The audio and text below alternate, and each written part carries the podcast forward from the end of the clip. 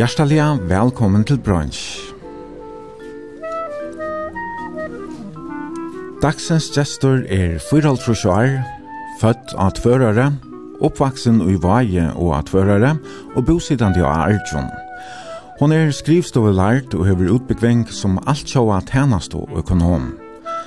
Så er hon sjålstovet vinnerekende, og starvast i det med landa som rådkjøve og iverksede og hotellstjåre. Velkommen til brunch, Teresa Tordardøtter Kreutzmann. Takk for det. Og i morgen så sender vi ut fra Hotel Bakkanon og i Vaje. Hette er uh, nødgjasta verskattlanden tjadar. Ja, det må man si, ja. Hvordan lenge, uh, lenge siden er det så gjerne at du i tog hotellet? Ja, men det gjør det jo, det var tvei år. Det var bare at av korona. Um, da jeg har Lea sovne en av vike her, ta, bare inn i koronatøyene, ta, ta man var hjemme, mm. så helt jeg, så helt igjen, det skulle hente akkurat.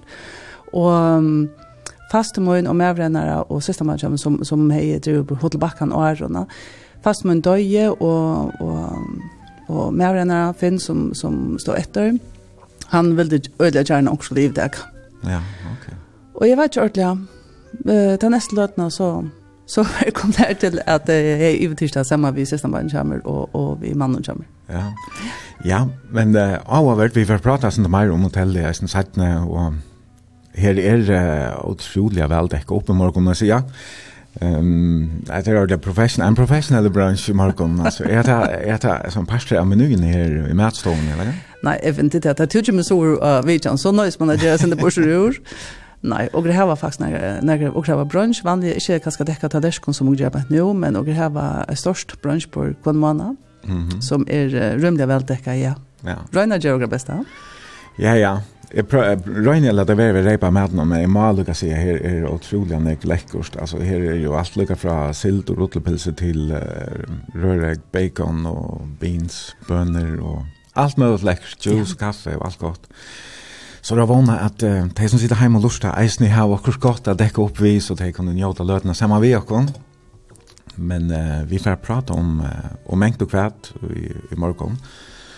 Og uh, ja, hotellet kommer av det inn, og tid er i, i gang, og alt er ikke ordentlig livet og klart enn. Men det er altså to, og med og døgn, Emil Lisberg Jakobsen, som er ferdig under, jeg sier, verskatlandene. Ja, det er det. Som sagt, jeg har eisen i siste med Jamie Rowan, vi, og han er, han er eisen parst av hotellet nå.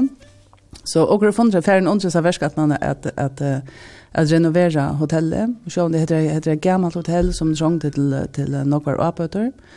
Og så bare simpelthen rønt at I jeg tenker gansjon, medstående hun er, hun er totalt renovera. Og bakkastovan som kallar det, man kan eisen si barron, men og da man vel navnet bakkastovan. Mm hon er eisne, later eisne vi er vera, vera ferdot, og fern er sindu spekta kommer kømeren. Ja, jeg har vært onker uh, timpe med over i gang til dvar vi, ja, ja. nemlig skifta gulvet og så. Ja, akkurat, akkurat. Ja.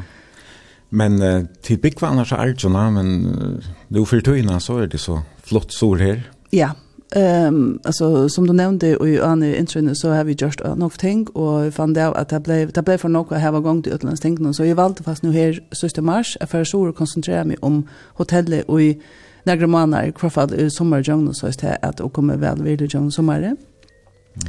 Så det var så så tar man renoverar så det ska det helst renna in i kassan där det är nog ut ur kassan då. så mm. att um, så tar tar valde fast och det kommer en sån deilig frier i vart att man får koncentrera sig om ett ting. Mm løpende, ja. ja. ja, Men uh, jeg må si at jeg sakner startfølgene som Innsbjørg, det gjør jeg aldri kvant, ja. ja. ja. Som du har fyrt døgnet kommet sammen vi? Ja. Mm -hmm.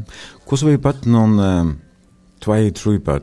Ja. Uh, Krista, hon, uh, hon är ju jauna till arbete så kring kringvarpen hon her, hon arbeider tøynda deltene, så kan ju ut för hon bor i havn til Arjun. Det gjør när hon bor i havn och husen i en ja. Ja, Och så är det Paul, han er 21. Ja. Er, han eisen flotter ut? Han er eisen flotter ut. Han, han er i Aalborg, leser. Okay. Og, og Silja, hon er så kommer ved meg, så hon vil gjerne prøve. Hon kjenner øyla nok i Vaje, nok ung folk, så hon vil få gjerne røyne alle gang i skola her i Vaje. Mm -hmm. Og er hon fornyer i et skola i august, så... Så också så var mödan så nåt hon fast gärna ville det via. Ja. Gänger nutchen där. Hon gänger nutchen där, ja. Okej. Hon damer så starkt väl i Ja. Ja. Og han var først for å vant håndbolt, og sier annars det at kan man, man kan ikke velge håndbolt, da man har spilt i hand, så kan man ikke få spille noen år, men, men det gjør han, han dømte vel hva det gjør. Ja. Ja, og så kan jeg nesten ikke fortelle, hvis man jo over ho, er så ikke noen mynd fra medstående her vid sida og senda, så har du lagt også ut, og her ligger også Facebook-synet, mm -hmm. Brunch, det var B-R-O-N-S-J, og her kan man så eisne senda en spurning, eller skriva en vimerking, eller senda en halsan, Vi sender jo beinleis, og det blir eisen til å skrive til 22400. Du har så eisen valgt tonelagen til sendingen i dag. Og det er jo, det er tonelager som har sagt her og skal si der akkurat, og, og som du har lyst etter kjøkkentøyene. Hvordan har du det vi tonelager, det er noe som, som du har avhått for det? Mm, alltså jag hade hade det tonlage som ja det är så speciellt att den här den här säljer alltså det är kanske högt på tonlage men tonlage är alltså eller område där knutsche så är nog minner till till till till tonlike och och så har vi en något som en att för för Hotna alltså jag spelar ju hotnarkester mm -hmm. och älskar hotmusik. Men tar man så väl då men det är inte så väl för det går men men det har vi det är något som jag, som jag har haft, haft stor intresse i det där. Ja. ja. Hur kom var du, tar du började spela hod? Jag var en tolv år. Ja. Var det trompet? Eh, ta ta kornett. Kornett, ja. ja. Och så satt ni på detta trompet. Mm -hmm. Och, och det kom att när jag är rönt med Imenskån Ötjan, ehm här som... Här som så var det skulle inte vara min karriär att spela handboll och så var det att var alltså sitta urskiftningsplatsen och så var det man skulle gå och ta ta tömt i skjorta så att tomten Men jeg finner noe annet. Ja. Og det ble hot. Ja. Spel du en? Det gjør jeg ikke, og til fast sin for Hermon. Uh, ofta vi også sa det, han, han, uh, han spurte, altså, kjem du kjøtt vi, du vet, og, og er vi? Ja. Prøver, jeg kjenner ikke så ofte, og så var jeg Men jeg har ikke kommet til det. Trond, du har spurt meg, og jeg har ikke hatt meg hver gang det, men det var ganske til det. Ja. Ja, så... Jeg kan gå og huske meg for, kanskje jeg har stått til det ved uh, Tvørhåten orkestret. Ja, nemlig, ja. Mhm. Mm Du må få samla det samman til et hårt nytt. Ja, det var det. det. Shit, ich ordet vi unga det chapnat, men man har finns allt det här som jag spelat där så kanske är det där i husen att ich äger. Det kommer festligt hur så att åtta ett till ja, absolut. så har den tonlager deilig. Man kan ha en viss här alla stanna kräver om om gastrem och knäga du kan spela alla stanna ja. Och så ska man inte undervurdera att allt hur hur stor en tutning det här men önskar kan ömma så här för att jag jolhalt och att man har har tonlager och så är det ska det en otrolig hona och till Ola så att det är akkurat. till festligt fantastiska elsalder som som som spelar hatten ja. Men vi tar altså ikke Hot and Tone Like som så vi har uh, playlistene om i morgen, men uh, vi tar Jim Reeves som den første. Ja. Og han kunde man kanskje også ha, kanskje i eldre leie i måned til tøyen. Jeg må, må si at, jeg, at uh, tonlagen kommer, han er øyelig, uh, hva skal man si, tenkte at tøyene kanskje, som, som ligger etter for meg kanskje, heldre enn en mine tøy for sånn og så videre. Men, men damer og det var Jim Reeves, og det kommer sikkert av tøy at jeg er oppvoksen vi har høre Jim Reeves og Charlie Pride og country tolerance så uh, hela tiden, Elvis for det eisne, så men damer helt utrolig vel Jim Reeves, det gjør jeg. Ja. Så tror jeg vel innrømme. ja. Jeg synes sangen er kanskje ikke den mest spalte av, av hitten til hånden, Nej. Men uh, du valgte den her Waltz. Jeg valgte den, ja. ja. Jeg valgte den här till jag kommer som til det vel, og så också jag hade her minne mig ordan nok om min bad. Ja. Vi tar her Jim Reeves Waltzing on Top of the World.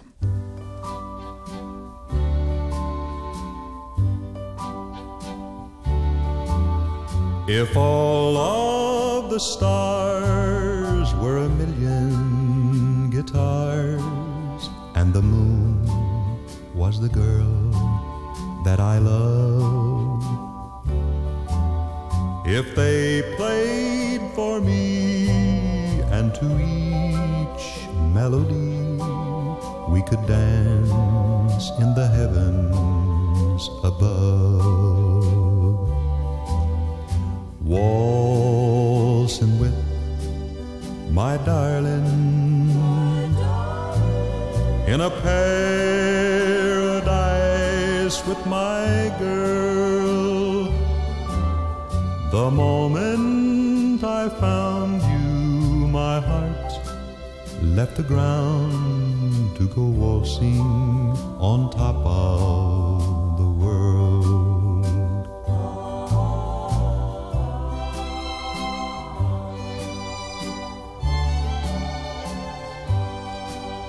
We'd go right on dancing and find sweet romancing. Then when we lingered to love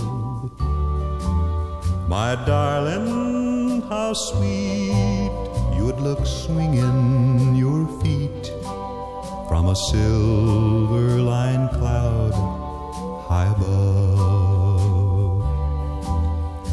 Whoa my darling. In a paradise with my girl.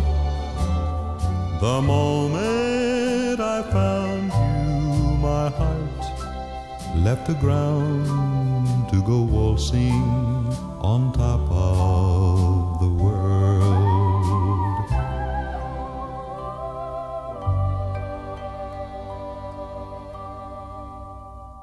lekkere blader tonar vi Jim Reeves, Waltzing on Top of the World. Du lort her til brunch, og til er Teresa Tordar Røtte Kreutzmann, som er gestor i morgon. Og vi sender bein leis fra Hotel Bakkanon og i Vaje, og du er velkommen å sende en halsan spurning til denne vimmersing, av at 2400 eller Facebook-søgning av brunch, det var B-R-O-N-S-J. Teresa Kreutzmann, det er jo er, jeg Oførlust, hver, hver stavar det et navn fra? Ja, men det stavar, det kommer ur Grønlandet, og, og jeg var jo gift i Grønlandet, og, eller var grønlandsk manne, og det var, altså, det var faste torske missionærer som kom til Grønlands, og det for, for noen noen år siden, og der fann jeg det av at det kom opp er at, at grønlandinger, der, der høtte bare, altså, der har et navn, Og ta navnet mest til akkurat, for eksempel Malik, som, som sonen kommer etter til middelnavn. Ta mest til Bilcha. Mm. Og, og så var jeg, ja, eh apotsiak som som fastsonen som reisen i det middelnavn tabte du kava flikra och så är alltså jo näka vi att att jeg valt valgte noen som som det mente passa till till til barnet och så är det men det helt jag som snä han være sen då och gott att man ikke har ett noen, och kanske sen då opraktiskt så att Så tog er øyne nok etnån i Grønlandet, det er tysk, okay. Heilmann og Kreutzmann mm. og så gjør. Ja. Men du har annars født, eller døpt Danielsen? Ja. Ja. ja. Du er født uh, at fører i 1920, tror jeg. Yes. Ja. Hva kan du fortelle om uh, foreldrene så der? Ja, men uh, uh, mamma min, Tori, og, og Tori, hun er Bertelsen, uh, og, og Eruvaje, og pappa min, Paule, og Og, og han var et fører, og han het så sånn Daniel Senna. Så at, um, men jeg bodde til første årene, og var i, inntil jeg var seks år gammel. Og så, og så flott jeg til tvarer, ta, ta foreldrene kommer, uh, flott i hus og tvarer. Mm -hmm. Så at det første vattnårene, det, det, det var jo vei, og her var jo, altså, jeg elsker jo vei, til å om med på munnen. Um, så at... Um, Vet jeg, tror jeg at föräldrarna alltså hur hur flott det var det att det skiftet der, vet la. Nej, men uh, pappa men var atførere, och så, så valde det å bosette seg atførere, ja, okay. och i var ja. så att uh, tog, tog folk det och du først så till till om det var om og abba du inn? Ja, og in bor inn til om og abba min til første, til første årene, för fall lever sex år gammal och men de så otroligt väl att vara chatta kjatt Ja. Det er sikkert å fortjelle, og hei det godt kjatt dem, så at... Ja. Så det, det var noe fantastisk å var jeg, og, og her kom jeg kort evig eneste vikskiftet egentlig var en 14-15 år gammel, og hver jeg ferie. Og jeg minns det var stått til, da kjente man noen, altså det var, det var, uh, bortsett fra han som kørte med Lva og Tvører, det var Hans Erik, og, og, som var Øravøk, som drev Hotel Øravøk, og så er Logistinger hos Øravøk, heter han. Og, og Fredrik var jeg, han var Nestløy, Så att uh, tar stod vi på ett år kvar för att chatta i skolan och så får vi till Vox. Ja, var det ja. vinner som som tror jag eh det var ja kanske det kanske inte i början men det var det var det var om upp men det det var så fantastiskt. Alltså det var så helt otroligt ut det och även gott där man. Så att det var faktiskt ganska mer till. Och så sett ni så var det sjön. Jag är ju sista på att var jag och och som jag kom kommer det nog till. Så att det var det var det var drog show under sätt ja. Jag måste resa snäva i så och fastar. Så det var ganska så vi vi har någon så vart du mer och mer att vara eller kvart? Det vet så kom ungdomstöjen att vara ja. Och jag också man kan är det kus häpna då man är att vara från när toj här som här som telefoner inte vart allt avgörande eh det man, man möttes ju man var samman. Mm. Och jag också är ni ungdomstorgen eh uh, här i Sorötten det var på tammatan att uh, att ta nog mer skipa så att man tar man för dans alltså alla vet att uh, vad eller vad det tvörare och så var det sumpjär eller famjon och valpa alltså ja. tunna dans och, och famjon. Så det var på en helt annan mat så öll möttes här där så vad dansar och så var det och och det var uh, hade jag det var fast ordentligt glad för det att att jag var pasta till tog inne. Ja, nämligen. Mamma den sier du, eitir... Ja, Tori. Ja, eitir Tori. Tori Berstholsen til et navn. Det er heller ikke helt først, ganske. Nei, det er den eneste familien som eitir Berstholsen, og det, det kommer um, Langamoen, han var normaver, det kommer tver, tver badkjærle førjer, og det var samband vi, vi kveldaveie. Og den ene av dem som ble Langamoen, han flyttet til, til, til, Soretna, og han ble den første som arbeidet i, i Botne, eh som arbeidde i uh, Seversen i, i Botne, eller Elversen i Botne. Mm. Han er Christian.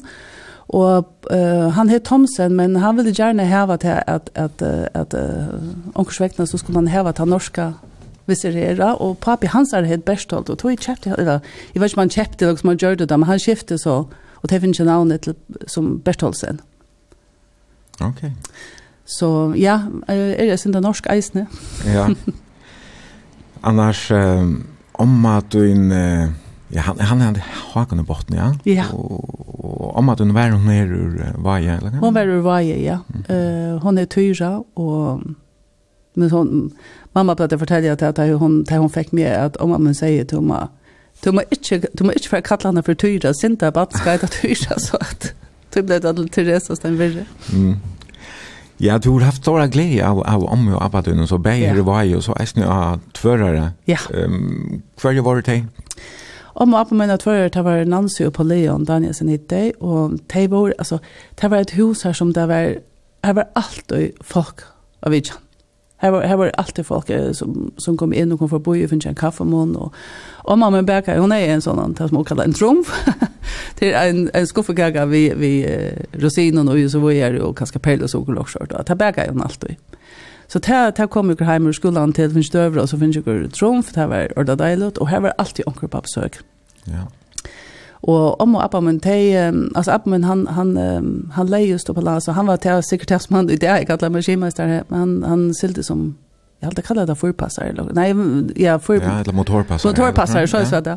och han blev eller sjukur och långt någon så han han alla alla moina tog i minnes till han bara över att vara backa här som te boe och och var var eller sjuk och långt någon så han skulle ju finna en annan vinner vi och jag tycker vi ska det över några sikkerhetsnett av, for man blir sjukker og ikke tjent noen penger. Og det er for det at um, jeg tror vi ødel fra Møyner tog i minnast om Abba Møyn, uh, det er Saphuset, det var en, en kiosk.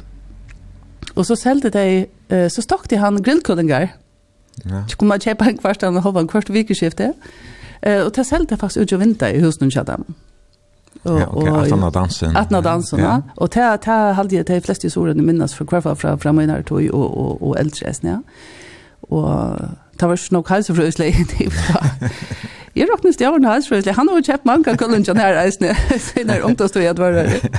Av Veheim, ja. Ja, vi Av Veheim, dansen. Ja, det var. Og så så du går alle her nere og trappsteinen og her vi sa på oss og åte og...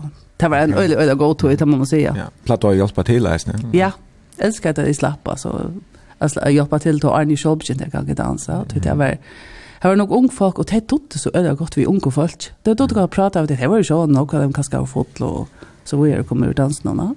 Och men det tog så öde gott.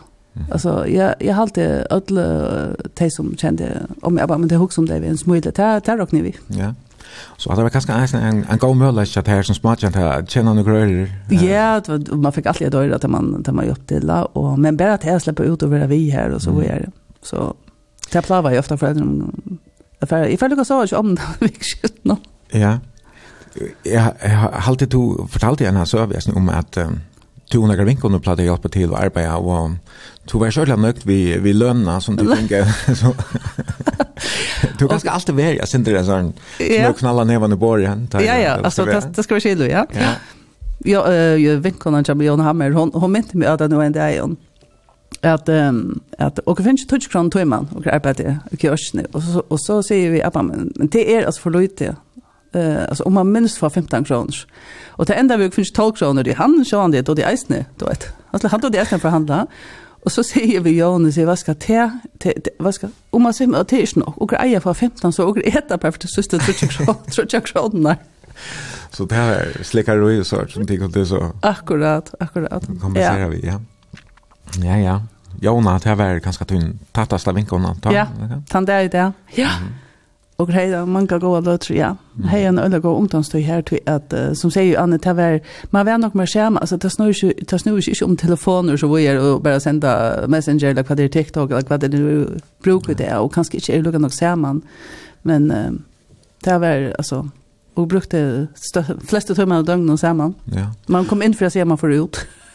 Och bäja föräldrarna som har vært her, här av ötne og det säger att du er om og appa var jo at føre, så du kan ikke være sånn näck av ötne helt som baden, eller? Nei, det var jeg ikke, men jeg minns jeg det så rätt att jeg var kjære og gommel, og ta var man fungi halv man skulle være et lusande eldre, men men om man men tej var ju tej tej alltså ta vart badjar som som delt i hus og, og tej som bor og och tej tej tej nog visar rätt att det var det brødre samkomna og Så jeg får ofte, så får jeg på at Esther spurte om jag kunne hjelpe, så jeg slapp til Sarepta. Okay. Og det er kjipet så fyrre og her var jeg først år langt, og jeg elsker jeg å slippe. Mm. Jeg har alltid haft en sånn utförlång så. Ja. Han kanske blir långt att det var gå med. Hvordan vi har noen kastene om fortid, fartid chunkt ut där färast luta spel långstanne og så. Jo, ta ta för Og det er en øyelig karismatisk uh, venngjere, uh, eller uh, leiere, og Jack Malpass ganska nog nog som som minnas han för att det tog in han då till åtsjuliga väl. Eh han är öl temperament guys nu och då man kan att det gick pinnen han han flyr runt. Det är kört att gick han så men men och för han var ur ur ur Skottland för bättre och för Glasgow. Och här föregår och i halta var i Einefors. Fantastisk tur. Jag hade gått att minnas han turen en det var en eminent tur eh kom hem att i discoboxen hon kallade det ja det var lite så stäsch lilla. Ja det var kanske först för du varst utomlands eller så ja det var först för utomlands och stappa shoppa alltså det var och var slash vånne ha pengar. Det var snäga som man hejer sig den och va och där för det och ha pengar i lomman och sålt i smedle och ta rottlejes som det var öjligt men och det. och kom över och hejen den här supertur och man kan ta som det att att man borde för just den naturen efter det har fast tas sen det mer om nu men så kom corona då som förstår det där. Ja. Men det kommer så till till um, förjar är ett. Okej. Och här är samband statverk men också det är är det är fjärde år så igen kanske mer ja. Och Jack var han bara kom till förjar för undervisa om musikskolan eller hade Nej, hade några såna tårar. Ja. Hade inte så att förra det var det var i halde det var det var öliga framme där att ta gick otroliga väl. Man var öliga ambitiös är ni vi något som som man det för det Jon. Det var nästan öliga god folk som var där alltså Nabogon joggade in i helt shit hej var där och det start väck en en alltså det det lov vi hade med sån och Torsten Hense och Pate och Mhm. Folk som man som man känner. Einar Larsen eh som är en tillkommen med det han har varit spelat nog nog år. Jag har inte spelat mer men men här har vi nog folk som har varit så öde engagerade i. Ja. Du har tänkt någon då öde väl. Ja. Men ehm hur vi skolan och läraren och så vart var hade tonlagas nu att förra skolan. Ja, ja, nej, jag minns ju inte om det tonlag. Det måste jag säga att jo, det det har alltid jag grejer mest ikke minnes det, men jeg minnes bare og hei når gode der, altså jeg minnes hei Mampi Mortensen, det var han som, som sørte for at jeg kom når studenterskolen. Det minnes jeg begynte å lufte tanken for, for Mampi, at jeg kunne huske meg for student. Og ta hver HF her, men jeg helt kjørte at jeg var det var det. Det var det var ikke cool eller. Eller jeg var husker bare student. Det var det var altså en maj, det var alltid husker jeg. Utfører langsling ganske isne eller kan? Ja, sikkert isne. Och Og de, vet ikke, de var ikke helt vi på det. Men uh, så kom mampion på besøk, og sier vi til at det er helt annet jeg skulle fære, og så, så kom jeg student. Mm -hmm. Og her er Jakob Morsen, som sa da, som var en utrolig god lærer. Altså, var dom til han så vel, han, han tog til øde vel undervisa. Han, han, man, man fikk ordentlig avhå for det som han underviste jo i. Um, Så att det här här var här var goalärare och till till helt säkert. Ja. Men de det väl att ta in i nu. Och gick ö högt på skolan. Mm. Det var onkan det gott nog, hvis man inte fick ta det ett ja. ja. Så som jag ett så hade också mycket jag gäll. Så bara gå minner från skolan. Ja, ta ta ta hade jag kan säga, jag hade inte där så det vet det synd au au au au jag vet inte, det kan man det mobbning. Det var det synd av det men Jeg tror at att man måste mötas för att liksom att att det här var så här för man måste man skulle ju vara samman att ta in du har ju telefoner det är det nog närmare att kanske att att, att happa du du har fler remedier brukar det. Mm. men tyvärr så det är inte kanske synd men jag hade minns det som som är nog minns det som man går att ta i kvar fall. Ja. Ja, jeg hadde visst vært spela en sangatræt, og du så valgt Elvis Presley, vi det er jo stadigvæk her at du... Uh, Trusjen noen, alai kanskje halv trusjen noen? Ja, men det kommer av at um, altså, Elvis John, det var en part av det spilte nok hjemme tjokken, og Um, men men det var Herlof, um, en kvalbøkken som han, han besøkte øynene nok om min og teg, og han var simpelthen så, han har alltid tagit nudja, så han, han, han har en den där flotta, jag menar det var autobil, svarta autobil, och han, han var alltid så fittra, han körde ju kunde vaks, och hänt egen natter, eller fem, han var otroliga fittor gå god vinner om jag på mig någon. Och han spelade han här Judy och och älskar det. Okej. Okay. Så tog jag vi fast valt hans Sanchez. Ja, var det så abe att det skulle till dans till dem Ja, så körde jag frat vad så sa till och här och skrälla i vi och Var det sån tonläge så som ble spalt i dans någon altså... Ja, ta ta vet jeg, så går ju fra når tog vi vi Starlight som var som som var alltså det var som pengar var pengar tata stora bakgrundarna så var plakaten av vetchen och så vidare. Ja. Ja. Och och eh jag fem på Lisberg och och är som är vart typ alltså någon och så är ju ta gå inte ut då. Nej, det har inte. Nej. Det syns ju också. Fantastiskt. Det var det var otroligt god dans där det spelade. Och så där sjönde Sputnik. Där Jens Lisberg och Marner. Eh, där spelade ju ofta Tepius någon. Beach House var isne. Mhm.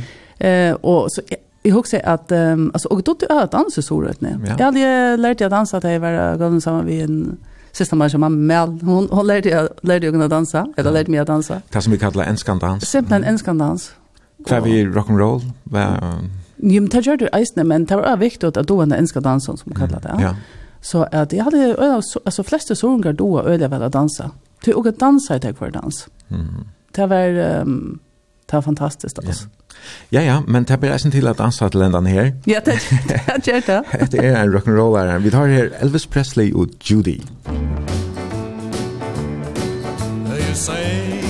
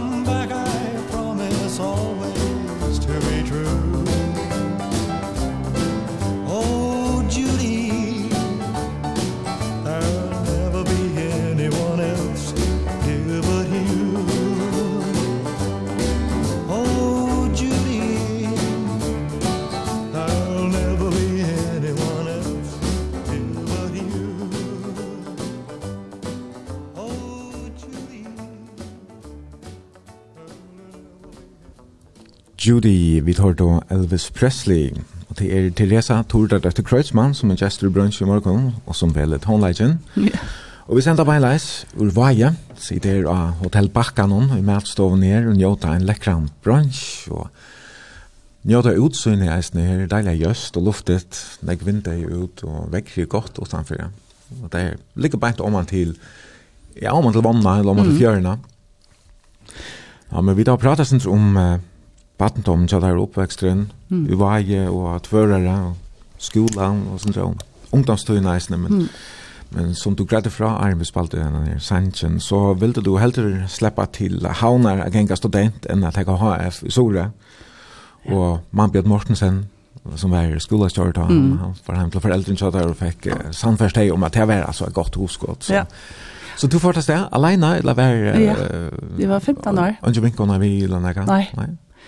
Ehm um, alltså jag för student och så ska och grej Jona vinkan kommer hon hon för så åtta landa i ett år och så där människan och grej alla med planer tag så ska vara färdig hon ska för HF till hon åtta landa och så ska hon för HF och jag för student så går bo över färdig sen och jag några plan om vad det ska till ja. Men jag förra stad 15 år gammal flott den en den kostade i höjden och drunja kostade den då Det var annars så vandrade jenten över Ivra, men det var en, en Ivra jenten så att en dag Ivra kostade den. Okej, okay. hur slät det? Ja, men det var det var funnast det slä. Det var funnast slä. Jag hade jenten hej, lusen bättre tant bingning och vara sin bättre stande kanske inte jenten, men men det var det var funnast slag av jag var och drönja kostade henne. Här här bor jag snä Eh här bor jag och lärar sort överst i överst och överst heter så det helt för helt i vind men Men ja. nej, det har aldrig det att finnas att slä. Mm, du trivs väl? Eh, jag trivs otroligt väl. Jag kom tankar om det är nog för att ta som om om uh, vad heter till myntelefoner. Jag har nämligen en myntelefon gamla här i hotellen och hon vill han kan göra. Här är det en myntelefon till det här får man ut att rinja. Ja. Eh, tar man, man ska rinja så ord eller ett eller annat. Ja så tar sig vi kommer kanske. Först så såg du uh, vikskiftet. Och så får ju så vikskiftet, ja. Ja. Eh och så han det första tiden var det var det det första året ganska kort vikskifte, men så så får också vikskifte i Midland till att man skulle om man i Dallas och mhm mm ja. Då stod Life Loa där och så vi. ja, ja. ja, men annars så plattar vi kväll och höstkväll där och sonnekväll. Och sonnekväll. Så och så att och så så ord vad det för att lära kväll där och täppjose. Ja, ja och och tolskola sån och kvalitet ta fast. Alltså det var när vi ta att tal skulle såna och kvalitet var det var först om att jag bara så kväll kulling när jag när jag känner vakna när det akajne. Och så i kväll då. Det var såna fasta rutiner som var ja, kväll och det var fantastiskt allt dansa här. Ja, ja. Det var enska danser. Nämligen. Ja. Ja, det var alltid orkester. Ja. Men ofta Dallas det var det var diskotek. Det var det var, det var diskotek. Det var, det var ett annat koncept, va? Mm. Men ehm du måste så är eh scheich ein scheich und das hat ein Blejifte da du Jack Heidelon. Ja. Ja, Jon. Ja. Og og tar vi seg inn i Ørenge så vi er så det var en ung og men ja och du så satt en gift. Ja, där han är sol fra hästen. Ja, han var där. Så du mötte jag han här så det kanske inte inte Ja, nej, nej, man mötte honom fast i kvälldot, ja. Okej. Men uh, han var nästan en av när vi kar ut var skolan att jag checkar. Han var sånt äldre än men... Han var sånt äldre, han var så äldre, ja, ja. Så att det visste jag inte gott kunna vara till föräldrar till mamma så där hon och och mostran sa att hej hej en förrättning att höra det som mm. och köpte att ta köpte man att skriva en på bok. Ja. Och så här köpte jag alltid till var det så otroligt fett där att komma in till. Eh av Vilta och och Lydia. Ehm um, Johanna heter och han är version i Eisner men knappt han. Eh te te så så här kolonialförrättningen som man köpte det var omvidje av forretningen at våre. Ja. Eller nok var. Da man huksar om det, altså hva får er i forhold til det. Spesialforretninger og så videre. Ja. Mm. Så, så, ja. Krista, døtte du inn. De som har lortet tungt noen, de har sikkert hørt at oppleser her, vet du, redaktører. Krista Jonsdøtter Kreutzmann. Ja, nemlig, ja. Så de finner Krista sammen. Ja, det gjør det godt. Men det var tid, um, de finner veisene en, en, en, en, en, en, en, Ja, en, en, en, en, Ehm ja, jag åt jag och en dotter under 24 Tanja och hon hon levde så bara två dagar. Och och det var sån det det var väldigt hårt ja. som bara att att att, att mäkna det. Ehm um, hon um, ja, man vet i princip när jag man mätte hon hon fick en en hjärnblödning eh under väskan och Och hon, hon var faktiskt hon var färdig där och ta i det åtta men fick lov igen efter och så dog hon två dagar. Och hon tar i ömna med två dagar sedan. Ja. Hur så gammal var du då? Då har vi varit eh 22 år. Okej. 22 år. Ja. Det var det var det var den och och det heter så det. Det var det var det var inte nämnt att jag kommer jungle då men ehm um, men jeg ble rymla kjøtt ved bad natter og, og åtts og kristi og, i, og i september av fems. Ja. Så at, um, ja, men det var, det, det, det var en, en hørt og. Og sikkert, er det noe som var hardt for perleie, ja, eh, kan man det til nekka som... Det, det, det vet jeg til, til Røngenevium. Og her var jo öll okra, okra matar at håndtera sorg på, og, og, og kanske he alltså och kvar sen det är alltså jag kanske har bruk för jag mest att det var en en pulsur löven ångstsväckna då gav allt det hade var det var våldsamt och det var lunch as när att att jag kan alltså vi vi bara nästan två år träcka. Ja. Var det gifta? Och var gifta ja. Ja. Jag betror kommer till gift. Okej. Så att men jag hade att kan man göra det man blir gift eller onkel. Jag vet inte om man är lika onkel än. Jag tror inte det var det men jag hade folk jag lyssnade eller var gift. Men det vet jag som ja ja. Ja, jag onkel gift än så. Men det var för framman är är finit där. Jo jo men det är onkel för sent där. Det är onkel för sent.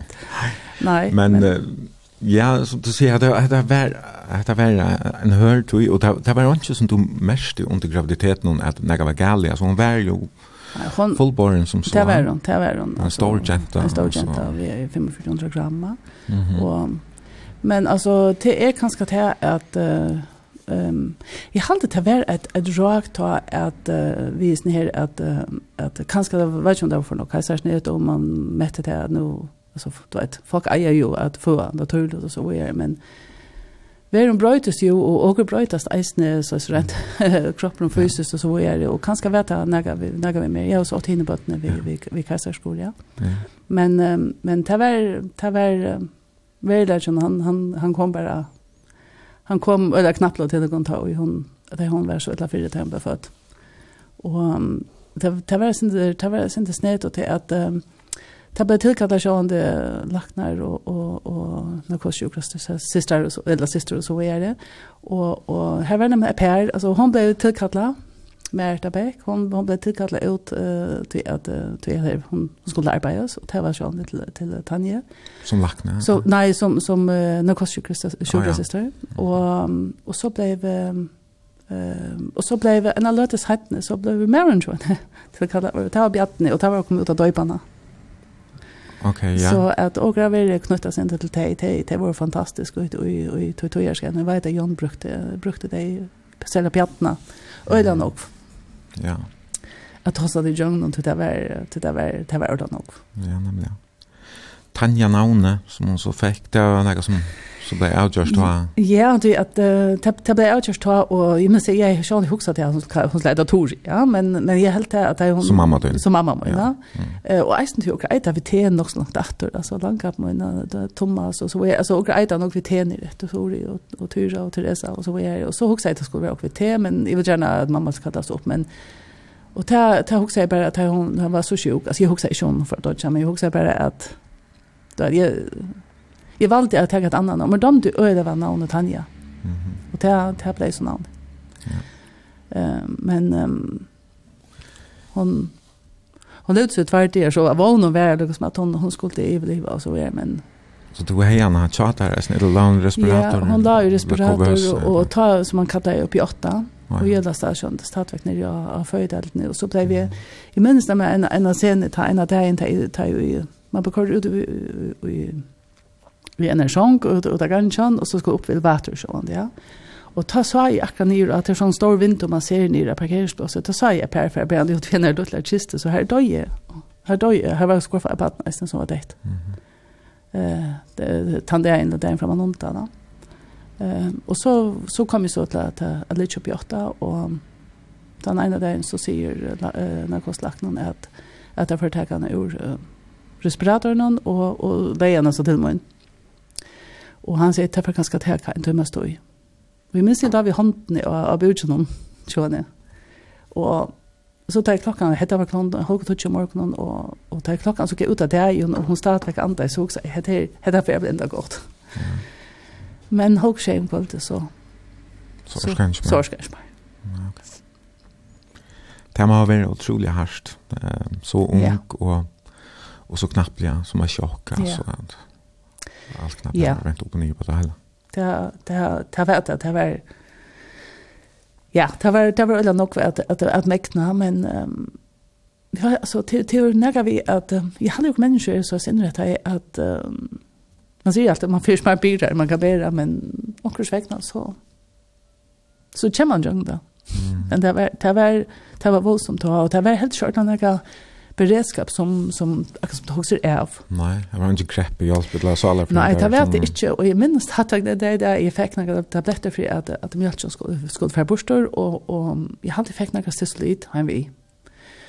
Och men um, jag var något förra Björk och ringde till mig. Och och bjöd sig till att att ta sig med och hon bjöd mig fast vi en sån påk av, av några historier som jag snett mest och ja, Björk var fantastisk hugsa mankan om man har en god tanke. Okej, så det har hjälpt dig ganska. Ja. Då så vi annars med vill jag kunna gå. Ja, och per hej kanske sin skill för du hit vet. Kvad kvad det var för några. Mhm. Ja, hon hon var hon var god att ta sig vi. Det här du så blei på vägen efter bara kvart en månad eller tvær att ja ja hjälpte det här eller eller vad det här så isen näka som Ja men jag ofte hugsa om at at det kan skal var godt att han at annars hadde jeg hvis jeg hej haft mer tog jag huxa så hej kanske inte tårar till att ha haft för det där. Nej men det er är meg, men det man så benchen at att Ja, det är samma skämt att dra, men det passer jeg nok bedre på meg er, för att det gör det. Visst var näka så det var öde shot att att det var det blir nok män och det checka og så var det var också var nervøs, for, och jeg var bare och det var ja. Men det check får inte jeg är en kassarskor, och och det gikk, det gikk for det godt. Ja. Och Kristla kom til verden. Ja, helt visst. Ja. Och nej, så ikke det vi. hun blir ikke inte här. Nej, jag hade det här Jag småttar. Alltså, eh, ja, det kan man säga, ja, men eh, jag kan bli skörta samtal nu när vi ska prata rätt så. så att men men jag hörde navnet Krista. Jag eh, en en god vän som Elsa, hon har en kollega som som heter Krista Klarbais. Mm. Och eh, jag hade namnet till navnet var så öppet. Ja. Och tog blev fick hon faktiskt navnet Krista. Ok. Mm. Kvart kvart körde du annars Att att jag skal jag. Ja men ta ta arbete det jag fick ta var jag var jag var jag började i något forskning av flofla förja. Eh och så ta ta jag gjorde ta. Eh sålde för åtta landa och så var det spännande spännande tog vi alltså var några helt nytt det här vi att alltså för mig att sälja affärer då. Ehm ta ta för ta var färdig student så så skulle jag göra också. Och Så for eksempel at Albertshall var akkurat bygd ta. Mm -hmm. Og det var, det var kanskje flott inne på en, og jeg for eksempel ut og banket på. Og hva Overst het, sånn det. Og så banket jeg på, og innenfor var Sjure Gorm, Petersen, som, som uh, sammen med jeg også, han er største oljefellet i følger. Og her søkte jeg arbeid, og jeg fikk arbeid på NAV. Så jeg arbeidde sammen med Taimond og så vi Søymond Danielsen. Um, og Your Life eh som som uh, kort alle ut och så är Det var det var fast ordentlig spännande Det var helt nødt vi vi kjørte det var för noe, men det var fast nog spännande.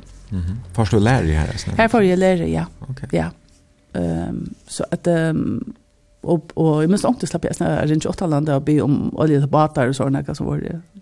Jeg stann i världen ja det var det var det var kvar for noe som ju känns nog till men men som jeg kom till att att att, att känna till Ja och och og ästen samma vi så ju man gör det så att alltså det är så gratis system det är alltså när när husen ska vara olja hur långt tog ska gå med lån för forbruk og så är så det var ja. Vad var det här Maxim med stovan och dansesteg? Vad det här öppnat här? Det var öppnat här. Så det var det nyaste hatten. Det var det nyaste sa här. Ja. Det var fantastiskt. Här, här gick man till frisör och, och, och så Maxim la sig an. Ja. Det, det, men det var faktiskt en, en det var en sort det som det är tos och tos om wellness här var spa och och frisörsalong en igång. Mhm. Eh jag minns inte om det var åren att men det var för mina tog här ute och så så blev det att Maxim halvje eller Mölvis där vi omvänt. Jag minns inte men i alla fall var det var det bäge så var det här mina tog här. Ja. Men Maxim det var ju alltså det här kom det var det var något spännande det var öjligt flott. Ja. Det var det. Ja. Ja, det var fantastiskt spännande här. Ja. Bladerspett och jo. Ja. Chesterfield så ja, för akkurat, och akkurat. allt det här. Ja, ja alltså. Ja. Störst kanske ja öliga flott och och Det var nog också antå. Elegant. Och var det så vant det van vi mimer och och och kackan. Ja, ja, ja. Här här var går skifte. Schalt man limer så som kom var slappan alltid innan. Mm. Ja. Och, och så kom Maxim här fullständigt som svärn Ja ja, det var en klass för sig. Det var en klass för sig. Ja. Ja, men alltså vi spelar en sankatriat. Och um, du valde uh, Suspenga. Hålla øje med dig. Ja. Det er en sånn øyelig god sang som er damer øver. Ja. Og han, han minner meg øver nok for ting, men, um, men det er nærmere vi at uh, han, han hever noe, altså, en, en innelig en bådskap. Ja, men lad meg knøyre han. Det er altså søspenger, hålla øye med dig.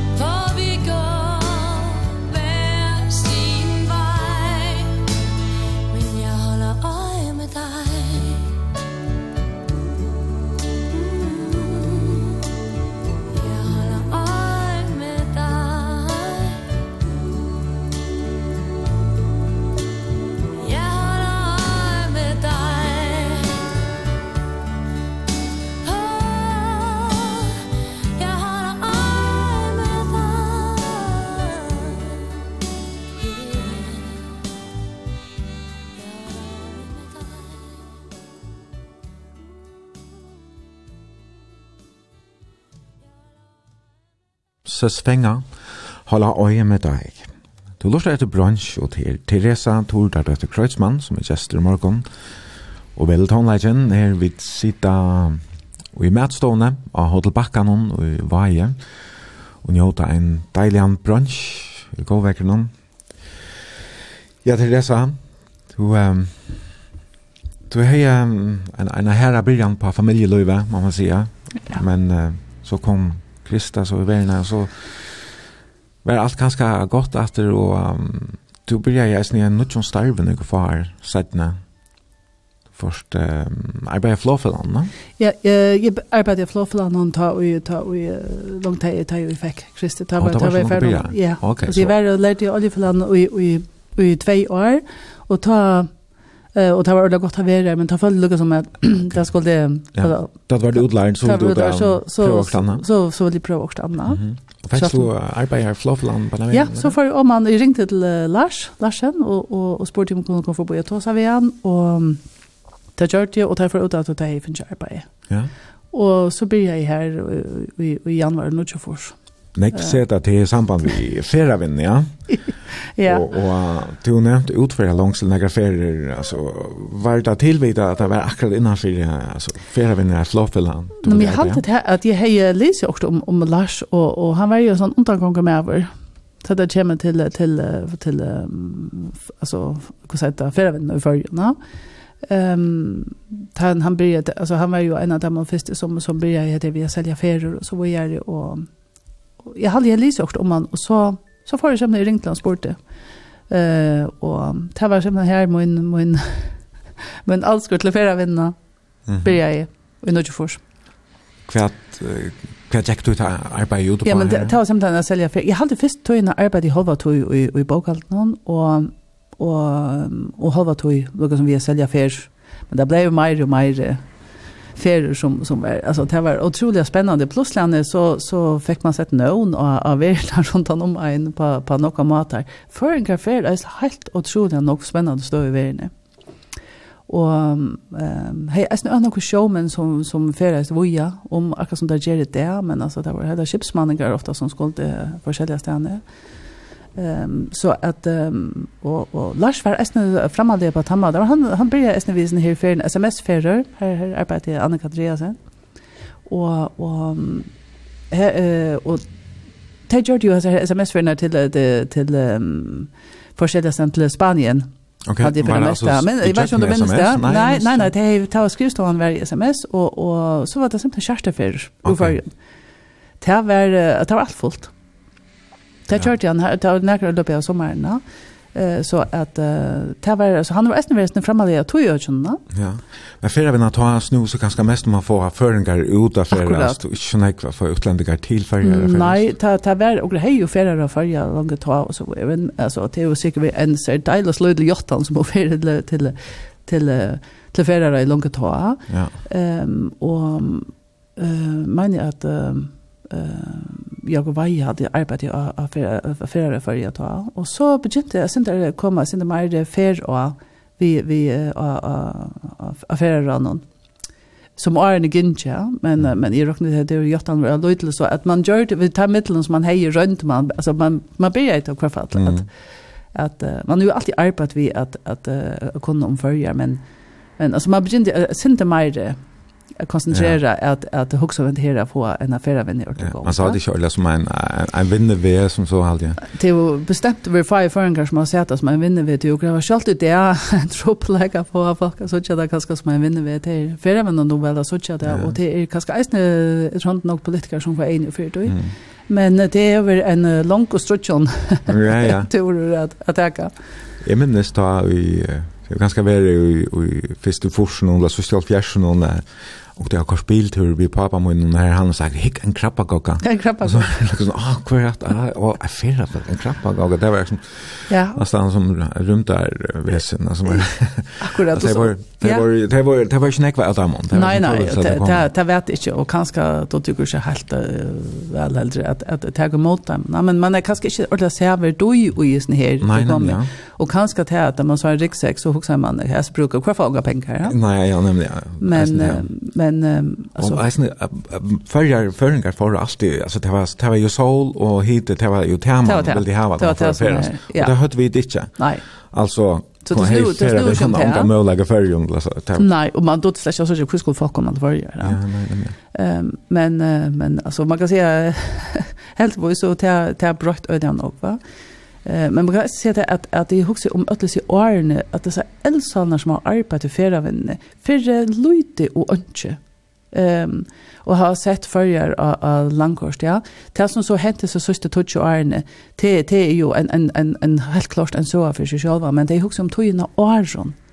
Ehm hur så nog folk har brukt otroliga orske på Jag vill ha blå i modifiera folk och så vad gör du känna allt ut ju inte på att det vet så också på att det är arnen som har blåhammar och korsen naturer och så var gör det och och det är kanske nu nu är flyga marschen så var gör och ger det öliga skipa så är det det vet jag inte det var skipa att ha fasta turer till till stämman vi men mer det är att man lägger några orsk och något ting som man som som man inte fixar den upp på sjur. Så jag också alltså det är absolut så en part av Ja. Och förra vinner till att jag ska det ja alltså. Det som struttes då här ju då färja, like det att och så blev det sedan till samvit alltså ja. Ja, så blev det till samvit Uh, Ta halt man börja kanske sent mer att söka möjligheter i natten man minst att man gör det en faltare vi vi mynton i mjörska. Och, och det var nekvar redder som var framme, ja. så alltså, att det här för inte att sälja nekka som helst da. Men jeg halte til å grad då, så utlas her, ver du jo i det som og er, ja. Ehm det första signar och satt ni årene att man man är för blev ordentlig alltså föringar för har vi ju inte så något natthörne alltså det att du är det hanka kvar en fjällatoppe det det är ju några nojta så jag halt ich man så över du ju på samma mata oj och tus alltså väckrever med väckrever child och då sån grått och jag halt ich orta och vars och odla sucha så han det som som så gänge något ut det det och kanske sett på någon mata men men generellt har jag man är inte då att lugga väl alltså men alltså Og det er kanskje her eisne man er nok bedre til å ta mentor to. Altså du dokumenterer at du lov von evig eneste dag i det. Her ser du kanskje mer hvor du og i sånne her ser ommetelig flotte natturen og greva. Som er sala på at man får ut uh, en til ordet. Selv om jeg kanskje ikke kan gjøre nok så hur så det her er som jeg har sagt ofta för gjort örs någon alltså att vara för folk i rätt det är det är så fantastiskt att det är så öliga lätt att komma ut lite olika eh viewpoints som man säger. Mm. Eh alltså jag tror ni är ett tjänar eller ni är kan heta beinsvör och så vidare. Det är ju att du kan köra nästan ut av. Ja. Och jag sitter här en löte och bara äcklar jag solna för han gör. Alltså det är ju så självan.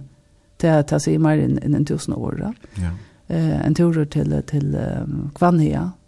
Är helt fantastiskt. Santa vi postar uppe och hitcha ner i Kvanhia. Alltså det är Vi skiljer väl ja. för folk tumma att komma till turarna till till till skiljer väl. Ja.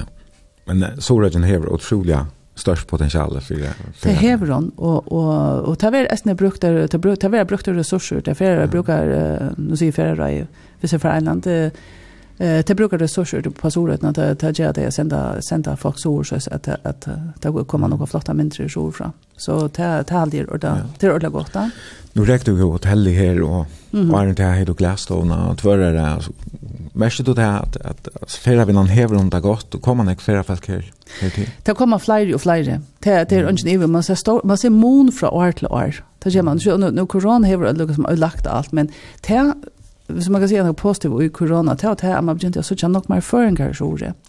Och det er öligen också som, som är kommande hotell och säger att alltså, senast, alltså, det var tilkommet folk som säger senest Sverige det var år, också. Det som ikke har ju så rätt nu 20, 30, 40 år. Mm. Men nog var familjer som kom så år, och det alltid var fantastiskt. Det har stått att kjenne til folk som kom in. Mm. Eh så man kan säga att det här heter påstå visst att föringar för att färas nog för mer i egna land och lägga pengar ett här. Föringar brukar några pengar. Eh alltså det som också upplever det är att det brukar också upplever att de brukar mer än en en en främmande folk. Ja. Så att um, så att jag har bara till er och det där man att man färna för sin mer egna land till och isen kanske lägga kronor runt om runt i landet och det är en det är en mm. god mat. Absolut, ja. Någon för jag venter efter till uh, Floffelaya så ja. så arbeider du henne i år noen aldri, aldrig år men så flottet du vara Hur så är det? Ja. Att at hekla reiser. her var det snett tog jag ja? Ta varje. Ehm um, var det? var ja men jag arbetade ju floffan som sagt. Eh samman vi vi vi fjolle skolan som säkert nog minst det för och Anne Anne, Anne Marie och Märte och så var ju Annike och alltså det var det var alltså och heter förbi Stottlot och det var alla tider, men ehm um, så kom några som såna här utlångslån. Och alltså och omboa ju mesk og, og Islander, det SAS faktisk i, i, i førjen. Og um, der var jo jaunen av Avicjan, Steffen Risker, han var, han var godt nok et eminent ombo for, for førjer, jeg elsker førjer fra første dag han var der. Og um, han spurte meg enda for nær om, om jeg i hovedet, at for eksempel, du vet, flytta da. og altså, vi ser ja, beina vi, og, og det er ganske typ, sier, det er impulsiv. Uh, og han visste til at hekler reiser, gjerne vil ordentlig veldig innan ta marsjen enn å sette ferie til førjer. Og ta får jeg. Kvar Og, og det er helt det til, og, og ehm jeg har aldri hett Sand Jørgens allé, det er bare ikke vi av førjehusen og inne i Vesterbro. Ok. Ja. Eh, det var en, det var en alltid der stod i. For jeg leide leilet inne i Vesterbro, her var fint å bygge, men de hadde bygge midt ut i heila. Ja. Hur svär Krista vet där och kan vi Ja, Krista var första ta första tog var hon här uppe egentligen. Jag finns ju alltså också min fasta i flottisen runt det första egentligen fick uppe hon och och så Jan hon var uppe och så satt så kom Krista Nidlam och in och och ta var ganska mer till att och kom till att att Möll skulle svära Per Maira eh Jan och det har haft några öliga strudgenar vi att att komma över till till tingen som som hände ja. Och Um, og det som og, og ta ju man kanske lukar i via lofta så så er så hänt det at, at um, på appen kommer ut från där vandocke. Jeg var akkurat låt nio. Och han var portører, og så får han ufruten og så var han ute vid han är en bad, en busara og um, en dag så kom han i hem Han han var från ute og att köta og, og, och och ja, kvart så hetta vet ikke, men Men han har i hvert fall finnes, altså, men han er bygd seg så stativ i baden som han trakka i på at for å komme sin dør. Han er sånn, i halte kallas kallbaksbater. Ja, for at att standa sin det bedre. For standa sin det bedre, og man mener han, han er så eh, slin ut. Ja. Han var øyelig var fyrre, så vi er så det var liksom helt overforsteilig, og han var bare 45 år. Eller han var 46 år, ja. Um, og siste må vi akkurat konfirmere. Hva gjør han annars? Han var portører, og, og, og, og, og, og, og, og, en stær som han egnar seg offentlig vel til. Ja. Han var annars opprunet av Timpmauer, og jeg arbeidde nok han bygd skoler i Grønland, eh, sammen vi, vi Øren Sorengrøn. Eh, og, men så kom han til starve som, som, som portører, og Og mm -hmm. jeg hadde han en fikk hva prøve noe nøyt, og for sånn igjen her, og jeg hadde han var forfølgelig glad for at arbeidet i sjukhusen. Mm -hmm. Det vel at jeg, Her, men han var, han var vidtla hjelp på en vattne og i verna. Og til vattne er fast katt, jeg mener at det ble katt oppe i sånn parstøyst, ja. Ok. Ja. Um, så du var nydelig til å ta igjennom her, kan hente? Ja, um, jeg bo, ta bo ute av Nørrebro, og, og mm. ta ringte jeg, plåst jeg ringte det sent om kveld, eller det var klokken over om et, om et eller annet så ringte jeg på, på hornet, du vet, og så var det siste på en kjamerianer som, som Og de hoksa ikke nok om det, og først nytt var det sent, vet at hun ringte på her. Men de er så åpne i horene, og de kommer ganga til at gangen noen. Så så ikke at her var, her var en... Um, Det var en, en, en løgregel med over, og kona, så jeg var jeg akkurat lånt av en leilige til, til heklerreiser, eller leie en leilige til deg, og, og det var vi eisne, og så visste jeg, så var det hentet akkurat. Og så var det til at papen min ikke var kommet natt. så måtte du sjå, først du sjå det bant til, til ferger? Ja, ta for jeg bant til ferger, mens jeg får, jeg får hjemme i Mersk om morgenen, og Mersk lente ikke. Og jeg var pura, og nei, altså, jeg bare visste jeg skulle til hjem til dagen, og Um, men en flott att bor, hon, hon får ut og kokpet og spurte der hun kunne kontakta. at jeg husker bare at Atlantik, jeg visste at här var nere, där var svärner, at jeg kanskje kan släppa hem vid heimene og, og, og, og alltså det var ju sagt att det var inte en nästa värld där kommer jag hjälpa mig men men men där bor jag faktiskt ett minut. Det stod och tog emot mig där och Klente glömde och så slapp jag hem i timmen och länt för okay. Det var ju ett, ett um, större chock för dig, alltså. Ja. Det är säkert. Så det var som att det blev ordentligt nog på, på öliga för åra. Ja. Så att um, tog ju alltid här att... Det var uppslutande. Det var uppslutande, ja. Ja, akkurat. Ja. Og det var något att ta sig av alltså alltså jag är ju syster alltså enkel syster batch min Paulian som som bor i han bor där så var jag på något kvar. Och syster min Sara och som vi säger att hon hon var akkurat en konfirmerad att det var det hände i 1 oktober och hon var konfirmerad ganska Jag hade ju blivit konfirmerad om 3-4 oktober. Ehm um, så att och så hon var ju ung då så här var det nog som som som hände då när som Och jag brukte nog att tog, ganska jeg mig. meg av timen, det skulle jag sånn, alltså ta så hade du hemma då alltså. Det gör det inte och och mamma och syster man kom kom nior och och var som man med nere och så var jag så på tammadan och ett och så kom jag sjön hem och färda i stad. Och ta jag hever nere och och i och i två år ta ta följde jag lucka som att jag jag ville göra det hemma att alltså för det första för jag det om om om om kanske Johnny skulle fortsätta som Per och äsne för jag tackar med mig av av av mamma och syster min. Mhm. Så får du sol här eller kan? Nej, så så får jag arbeta av av någon ta.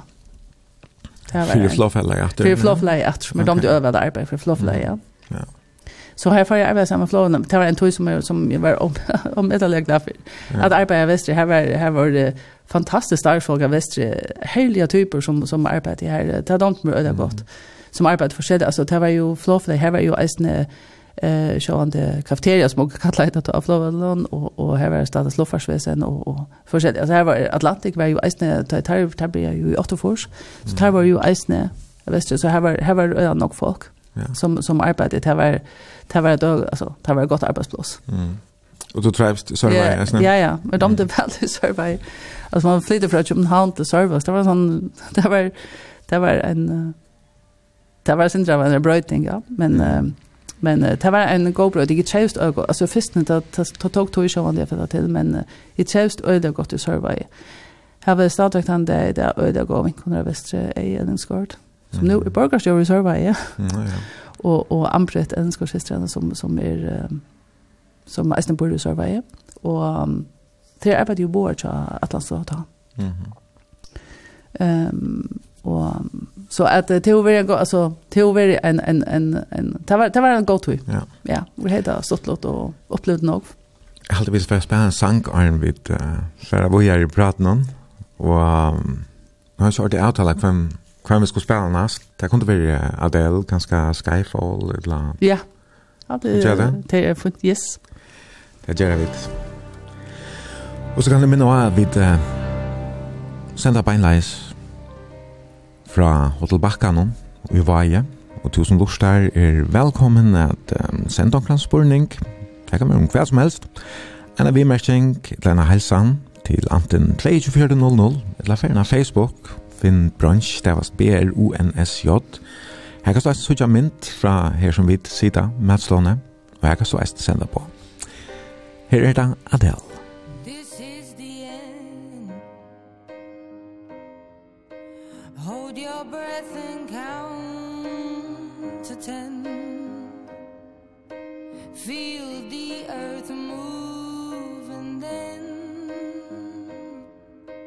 hear my heart burst.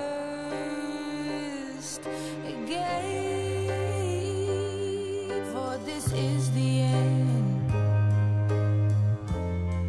I've drowned and dreamt this moment. So overdue I owe them. Swept away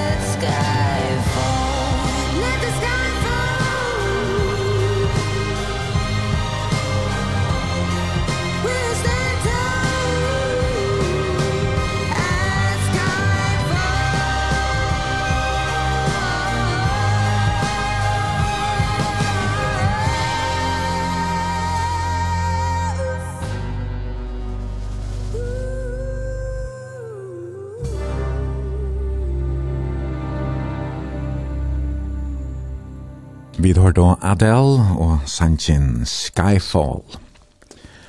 Ein lustare sendt henne på og skriver um, super tonelager Teresa.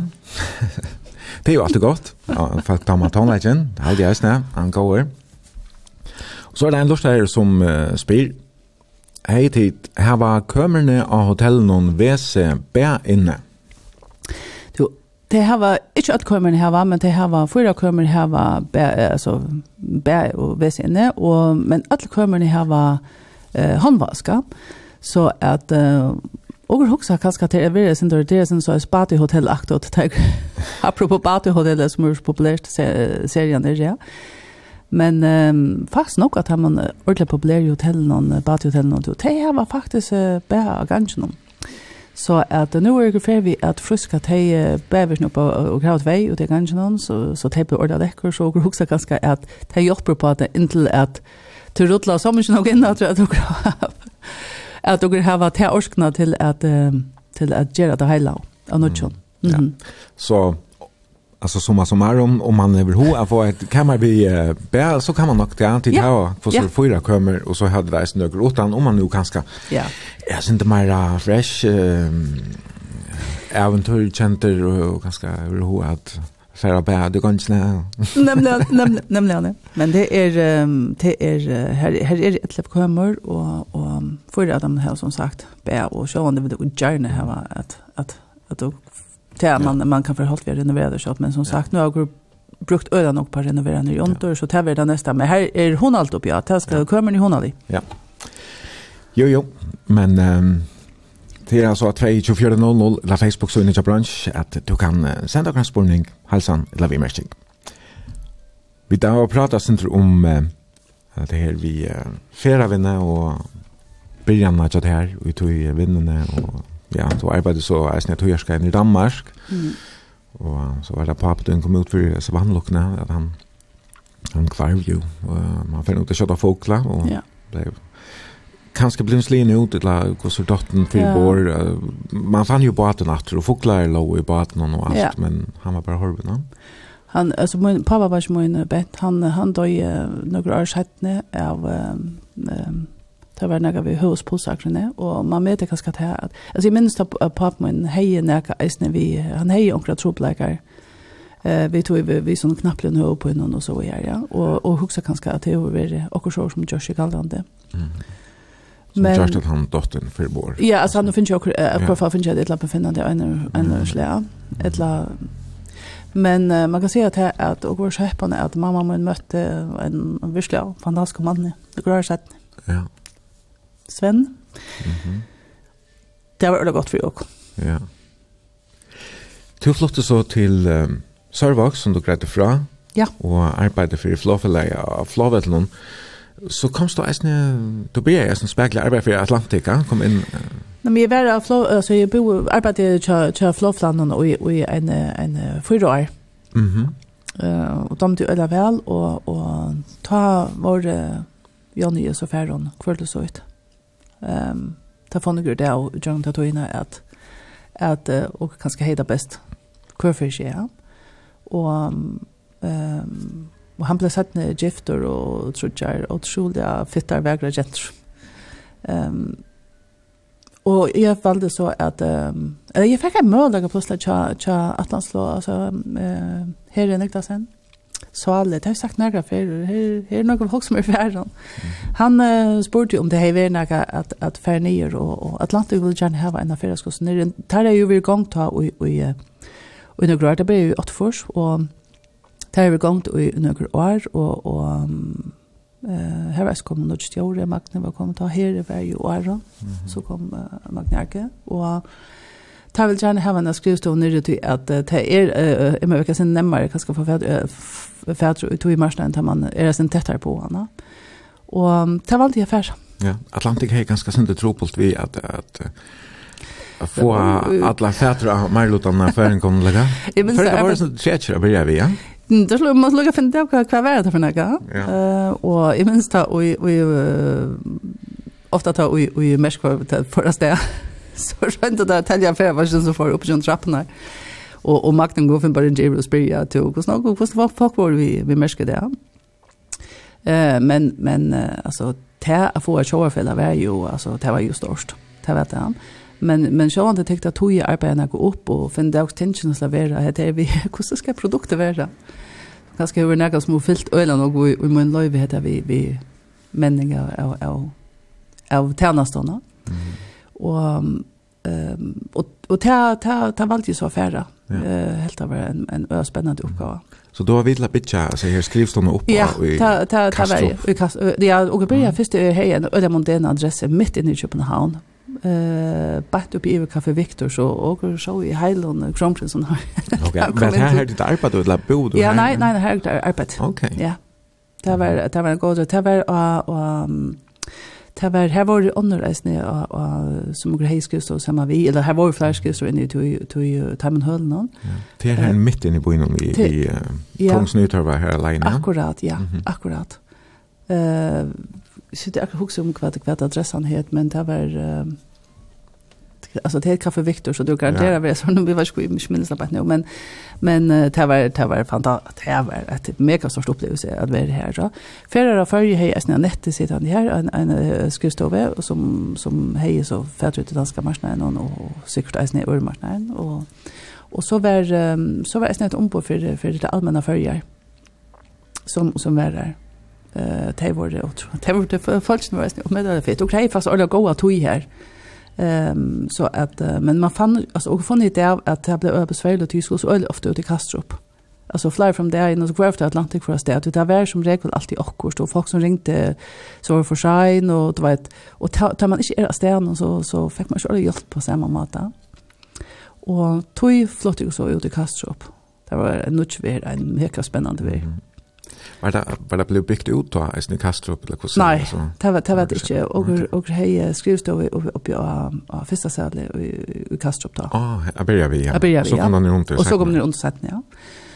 Og alltså man hugger många alltså ta vet det inte som är där vi vi att vet man inte löv näka alltså vet jag så ofta folk kommer för sig alla vägen men ankrar sig fast en vatten och onkur bunch var flickva og onkur ta ta så anna og altså onkur runde vi koffert og lukka til för det var för det skulle nå at det og det var sin analyst ta man kom ganska sen tättare på kontan kan man säga och fann nästan ödla skott det av att att det är vi att alltså eh alltså det här vi vi vi Märsko Atlantik alltså tar man kom ombord Atlantik man sa Bertor Anneger var man kom ju Marla minne hemma det det man sa till ombord Alltså det har varit en en otrolig figur för för Atlaslo kan man säga. Och och ej Eisen som var och Ampre som var ju nog var Här var så nog var som som ja. var och Loffa och så var jag som som verkligen var det var Atlas det som man man man knytte till till Atlas. Mm. Ja. Eh så att um, så det var en det var en mega spännande toj här som här som det skulle hända Ölja nog och mm. Kartel pionjär anti ja, det ganska totalt alltså och alltså allt för fälla i. Ja. Alltså det gjorde inte mån man skulle köra ut klockan 3 om natten eller vad det var så så gjorde det till själva mig bo och vi hör hörs om Kokkedala. Ja. Så körde ut här visst visst det var ett landa. Eh och jag hade till det som som alltså ta bant fel så ser man ta vart här att det var Elsa Anders som arbetade här och det var allt för fel alla för inför alla alltså center. Och en ölig pionjärande. Ja. Alltså det ta till Angenev alltså jag älskar jag först men något i arbete för Atlantik. Det gjorde det. Mm. Så det var en, en stor familie, kanskje. Det vet jag. Det vet jeg. Og, og altså, det er för att du stört för att inte när Ricka, alltså. Det snur ikke öjla nok om å finne det her vi, altså alltså er det som gjør at man väljer för exempel altså Atlantik fram om om Merska. Og jeg har jo öjla gått sammen samman i Mersk så det, at jeg fann ökjøttet det av at du vunner marsna parsta fram Mersk, det gjør du jo rymlig kjøtta. Mm -hmm. um, så at det var, det var, det var ordentlig godt. Ja. Um, Og jeg kørte land og rydde rundt. Besøkte skrivstort og kjørte hver mann. Ja, for jeg får deg for at... Simpelthen for jeg får deg at... Selge Atlantik heller enn en, Merk, eller hva? Det gjør det, ja. Altså, mamma min kom nye, og hon, hon passet jo så uh, Kriste, og men jeg kørte rundt. Ja. Så det er, det det ikke ölla godt. Det må man ha gjort ja mesh gaust ta stort alltså när 2005 eller hva var det? Jeg vill det var ju skilda. Ja, men det er sikkert vi början till ändan där du blir her. Det er sikkert, sikkert, sikkert. Ja, nei, jeg minns väl att du innan jag bor nere ta og, og det var utrolig godt att häva sig her skrivstående til Atlantik og av noen tog. Ja. Ja, som føringer helt man kanske danskar var, jag syns inte fyra kan ta över kvörst, så var et eller annet, hvis det var åker punkten som manglar i ångstämnen så, så kunne det være öliga trobult, men får man i till disken till Atlantik så check allt och eisen om du hejar synd för näck i övervägt, alltså du vet, skulle du ta i jeg kommer her omkring vi en stor keyboard, det vil de ha det som håndbagasje, ikke problem. Det vil det ikke ordentlig her vi, vi skratchen. Men jeg halte jo, altså, altså, og finner mange konfekter fra, fra folk. Ja. Og takkar for det ofte for, for det til tjeneste. sted. Og det har alt snøy om kontaktene som du hever vid den konta. Ja. Yeah Ehm så att ta var ta var alltså ta rycka eller men ta skulle essen till. Alltså ta skall några till för att att uppbygga en marsna ta ta ska ta. Ja. Alltså vad jag snart här för det första känslan. Alltså föringar är ganska synda mer la la och ja ja ta kom nog. Och ta ordna vid bara att vid hon snackar också nu där tänker någon en ganska Men kanske men kanskje et av det autentiska som var ute ut, att alltså ta är veldig mer autentiskt till att onkel ständer til att du kommer, alltså för för det första att du kommer til Kastrup, att du möter onkeren som, som tar sig för sig hej hur går det? Ja, och så kom det ombord, och ja, men så stannade det her kjentes det var destene, eller när som, den, som hon kallade det, ja, eh, och och tar motor, vi, vi, vi tar fetta smule, och då vet, och heter vi välkomna hem alltså det är veldig mer autentiskt än det. Och det så öliga områden, de hade stadväck tant det det är området man man huxar det här vi att då det är det autentiska det är kontakten som du häver vi vi vi vi tunna kontar som som är outchan för om då alltså att att det har det gått. Visst det har det gått. Ja men så har fel det är sen gått då. Vi hade ju öll alltså uppfyllelsen av roll öliga väl alltså ja ja Atlantic alltså Tarika ju öliga väl ombord och och Tarika i väl av skrivstolen och alltså man lustar efter vad det var som kunden säga. Och det arbetar nog vid det vi som alltså produktmänning alltså till att produkter rycker i väl. Mhm. Mm mhm. Varst du näck alltså bodde näck var nere då? Eh, när vi var i några år och och så och hej ju här här mest väst norten.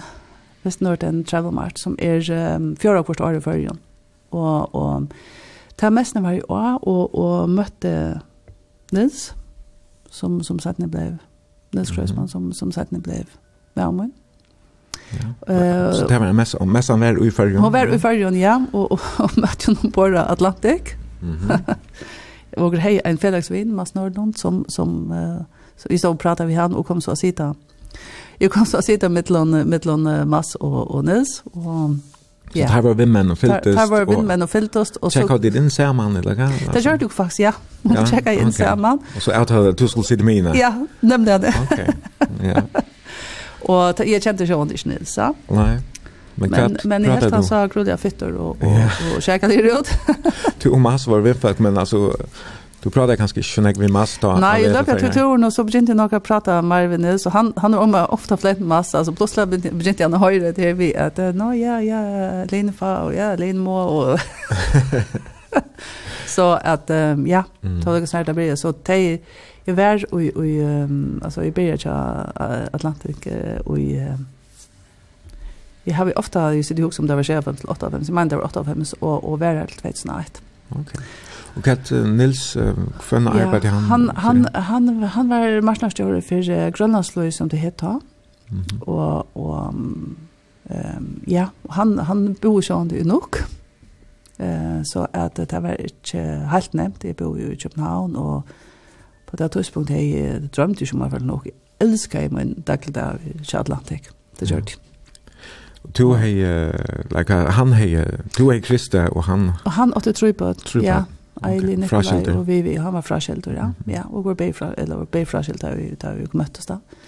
Um, og, um, og så møtte jeg bøtten og, og altså, det, det var som man säger love at first sight det var fantastiskt jag tror jag fick button och och blev det alltså yeah. blev det avfast på den vägen alltså till mest bara flow för att färgen och kan möts det så efter Och jag mässan var og i fyrjon. Nei, og hette var över i färgen. Okej. Mötte Jonna och... Så de får ganska utgångslämna i Danmark? Och, ja, så møtte jeg. hade ju ångat ikke inte snakka i i København som vi kjørte det här veckoskiftet.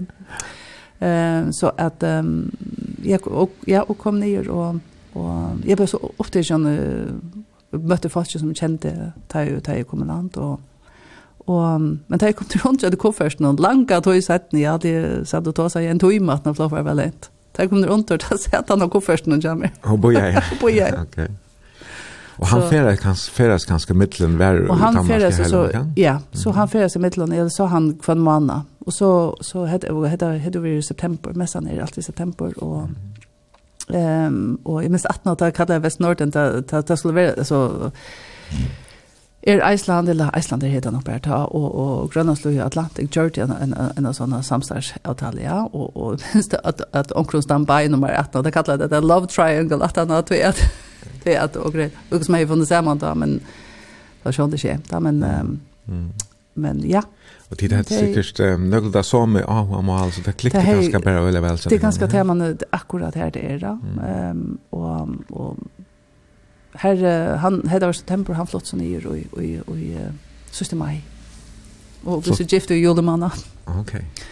Och sån sån alltså första bandjogen det är så fött och Paul han blev fött i november. Och och och i 2000. Och i Danmark. I Danmark, ja av Bornholm, som, som ble akkurat hjemme i fyra år. Ja. Hva var det som gjør ja, det? Ja, hva var det? Enda var her, eller kom Kanskje det, det er impulsivt, det er snednes, men ikke så, så ekstremt impulsivt, det er nok vi til ja, men, men han flyttet ned og skulle se om det finner han å gjøre ned, ja. Og um, han fikk, han fikk bjørst arbeid på en hånd, som, som marsnarstår for på en håndstrafikken, og så skulle du fara över vid alltså jag huxar på Bornholm alltså du Lucas har sa Polen också alltså det vi ska öra långt väg jag onkar du huxar om, om Bornholm för för men så får jag också ivra här och jag var pura selt mm alltså det var det Bornholm är helt otroligt ja tyvärr onkar det var här nej men det är det är helt säkert turen värst alltså det är nästan donade till förra det har alla alla förra vänner jag hemma ligger koncentrera om sommaren här var öle gott väder nästan eh och om vetron så så slappade det av. Ja. Og, og det ble til det, men så kjøpte jeg en, en husarivre, og altså, så nok tro og på det, det var, en, det var faktisk en gammel adventistkyrka okay. som kjøpte jeg, en fantastisk hus, ja. Mm -hmm. Eh flisande musikkcoachen det var det var det det var det var också med chapter upp och det var från Köpenhamns Gård, så det var man kunde nästan känna det åter då att man kom in ja det var en supertur Så har det kanskje passa vel att vi får spille Eva Cassidy. Ja. What a wonderful world. Ja. Right now. Ja. Det var sikkert det var akkurat da. Nemlig, ja. Nämligen. Nämligen. Allt är perfekt. Ja, men helt vi slår igen. Ja. I see trees that are green Red roses too I watch them bloom For and I think to myself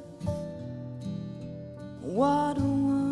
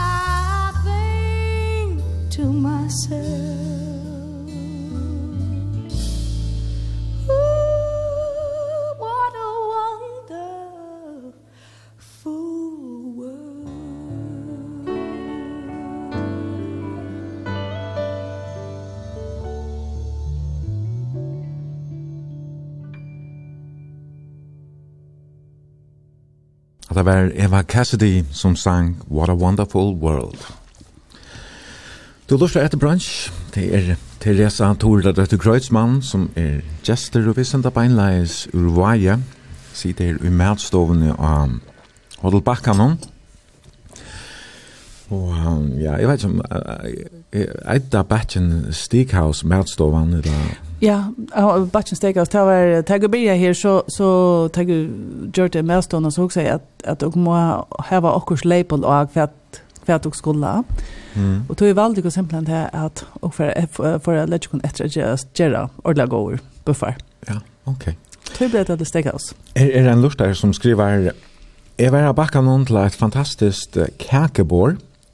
Jeg sier vi til det så at det blir så pent. Jeg har ofta smust for meg sjølva, ta Teresa sværa jeg, du må være en veset, det er det flottaste. Akkurat. En eldhåa så alt må sies, alt det beste, skriver jeg sånn du der. Nemlig, nemlig. Du hevda vi, to damer vel geng på, på detaljer, ja? Altså, det er... Det er ikke nivå, men damer får ferdig godt detaljer, og jeg minns godt da jeg gjorde glasstående, at var så, så her er tapetet til er gult, vi josar en fuklån. av Vestnon. Och med timpene så var det, där satt det att var ett av man var på i glasstående. det kanske være vese. Nej. Men uh, med damer öle vel detaljer ja. Ja. Och tapet. Och tapeter. Och men det är nästan något jag vet att det är detaljerna som skapar helterna. Mm. Och hvis du inte kommer högt upp på detaljerna, ja men så först du kanske inte till helterna som du gärna vill ha va. Mm. Ja, og hva så er nåten, jeg var gode detaljer i morgen, fantastisk lekker brunch som uh, du har dekka opp vi i morgon. Vi færa at um, venta oss til at til sms-kivan om man løte, til vi altså til å skriva 2400 etla av Facebook-synet, tja bransj, her kan stå eisen senda på. Og for at, at uh, venta at til Bornholm, her uh, to Nils, altså bo i fyra år, og Ja, ja där dom du vel av Bornholm. Men dom du väl väl av Bornholm eh alltså jag skulle lyckas be alltså han arbetade som ett eller annat. Han arbetade som att köra cha cha Bornholmstrafiken. Ja. Och du får till skolan?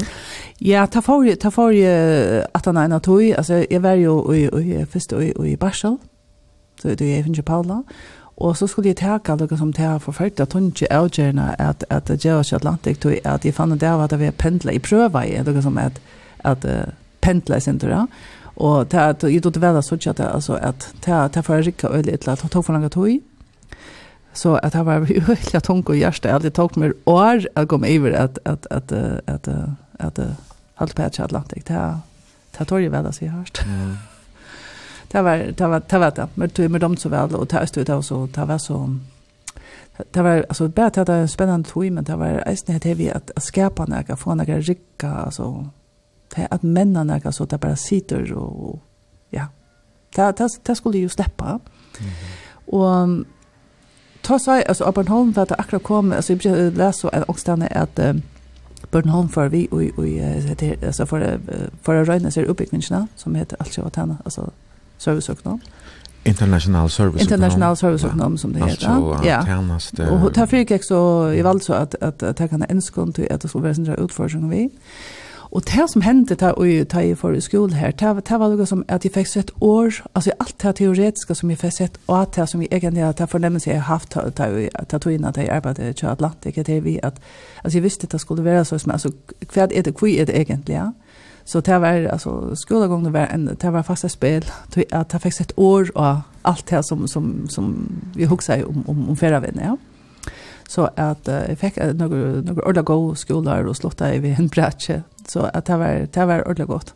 Mhm. Mm eh jag var så glad för att att jag fick det gjort. Det var det var alltid meningen att jag skulle ner och läsa men det blev bara egentligen inte akkurat så där så tog tog var så glad jag fick det gjort så allt om jag hej flyerbot det fast perioden jag hej förra bot. Ja. Det så och och och ja fyra bötten till sig och klart till honom. Ja, ja, och det, alltså, ja. Nikolaj Sonnen känner sig alltid bo i Tjokan. Okay. Han är han och förstår Tjokan.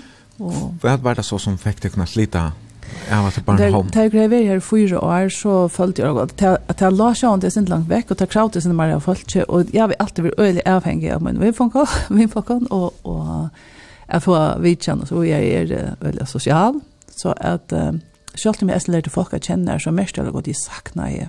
Jag sakna jag vinfokus och vi och och alltså hvis jag ska vara helt ärlig så saknar jag sikt nästan ödan nog till att att innan som som som jag har haft Iron och hur jobb namn vi vi Atlantic så gör det. Eh men jag brukte att mina mina skola tog eller med läs att att att simpelthen att skriva projekter om om färra skrivs alltså att kvätt kvätt skulle till för att sälja färger eller färger och så gör Det brukte ju största allt projekter som vi slapp vi att att göra på den måten. Så att uh, jag hejer ta ta ta drömmen om att att uh, ha en affärsskrift i Köpenhamn, My Pharaoh. Eh uh, mot förra jag jag koncentrerade ett annat namn till det var det jag gjorde det var det var det var det som var drömmen då. Och och fick och ta och ta gjorde också av att att det flyttade i över till Köpenhamn. Ehm och och i stället så så för My Pharaoh. Mhm. Mm Eh och det var en skrivstol som var inne i um, i förhus någon i i Köpenhamn uppe i första sal här. Ehm um, och det var det var alltså det var härst och det var spännande och det var det var allt på en gång och jag visste väl att jag började att att man skulle ha var rymda storland det räknade mig fram till att man skulle ha rymda storland kapital. Det hejer så inte men jag valde att trycka på att jag kunde sälja mig på sjutton Och med ta vad att han tog ju ta och alltså allt skulle alltså man var kommit att ta vi vi internet nu. Nu skulle nu skulle allt vara papperlöst, alltså papper skulle existera för ett innan. Eh, det mamma säger att det är skilt jag. Det hade onkat jag präntas någon papper nu men men jag gick faktiskt att sända mot till ström någon. Jag tror faktiskt mer på en katalog. Du är det oavsett om du sitter i nätten häcker så alltså det som du har i handen är blöver mer hon gröjplås, man kan säga det så. Mm, ja. Uh, och det gör det, gör det ett, ett katalog här som, här som är, det var ett flott katalog. Uh, uh, här en, en, en dansk grafiker, uh, tegna i, hon, hon malar, hon är malar, malar, malar något för igen. Um, hon hon gjorde det katalog alltså hon hon lukade som gjorde några målningar så som som katalog bestod av. Ja. Så var det simpelt en tar turen i förrjun som jag tror mest på. Okej. Okay. Det? Det rikka i öliga väl, det gör det i sälj i öliga nog, kanske mer än vad jag är råkna vid. Men, men samstånds kanske eisne ovitenhet, och så man vet ju om man inte allt det. Och då, jag gör det kanske tan feilen att jag gör det till som vi var bäst till, och det var att sälja. Och kanske tan fortsatt i pastoren kanske hej väckte jag kanske inte lika högt och fyllde vi vid kvossi och kväta så att ta blev och alltså att ta ta gick och ta gick fort men i fann alltså det var två år sedan så då det var så att det ska näka allvarligt till vi ska klara mäkna att köra till Jonna. Och ta varje istället blev vi bara vi vi vi det nästa vatten som vi fick vi vi Nils mm. Selje. Och skulle ångsväckna välja i mitten i visst jag skulle bruka och honalig energi på att få få att det rikka vi vi för att skulle stå att tjena nok til at de kunne få en månedslønn, eller og var, og var utvera. Så at uh, Anna Maria en, uh, Olsen arbeidde i Østen Kjammer. Jensine Olsen var Østen en, en evgang Kjammer. Mm -hmm. Så, så Anna Maria, at, syster Jensine? Ja, arbeidde. hun okay. arbeidde i Kjammer, ja. Mm -hmm. Fitta damer. Ja. Og um, Ehm och och så jag måste också vekna välja och jag tar sig själv alltså man så jag luckar faktiskt här och och valde så mammarollen ta kan man säga. Vad gör den Nils det här jag ska Ja, men Nils arbetar tja, tja, great, nej, kan jag det Visit Greenland. Okej. Ja, han, han arbetar tja Visit Greenland och, och, och det var ute av vad kallar man bridgen på bruket? Nej, vad säger Ja, och det bridgen ja. hade man kallat det här. Norr, Norratlantiks bruket. Ja, men, det där skrivs då, ja. Mm -hmm. Ja. Så att uh, ta, ta, och ta, ta som åker George i Köpenhamn, men, men um, Och hej Lucas han stort upplevelser och vår be be om att komma och ha ett upplägg alltså han om om Grönland ju om förjar och Danmark vissa Danmarkskusten i New York. Det var det var det största för mig. Jag minns att jag, att han hade fått han drev om det kunde så fruktansvärt gott också med att kanske slippa att arbeta här pröva.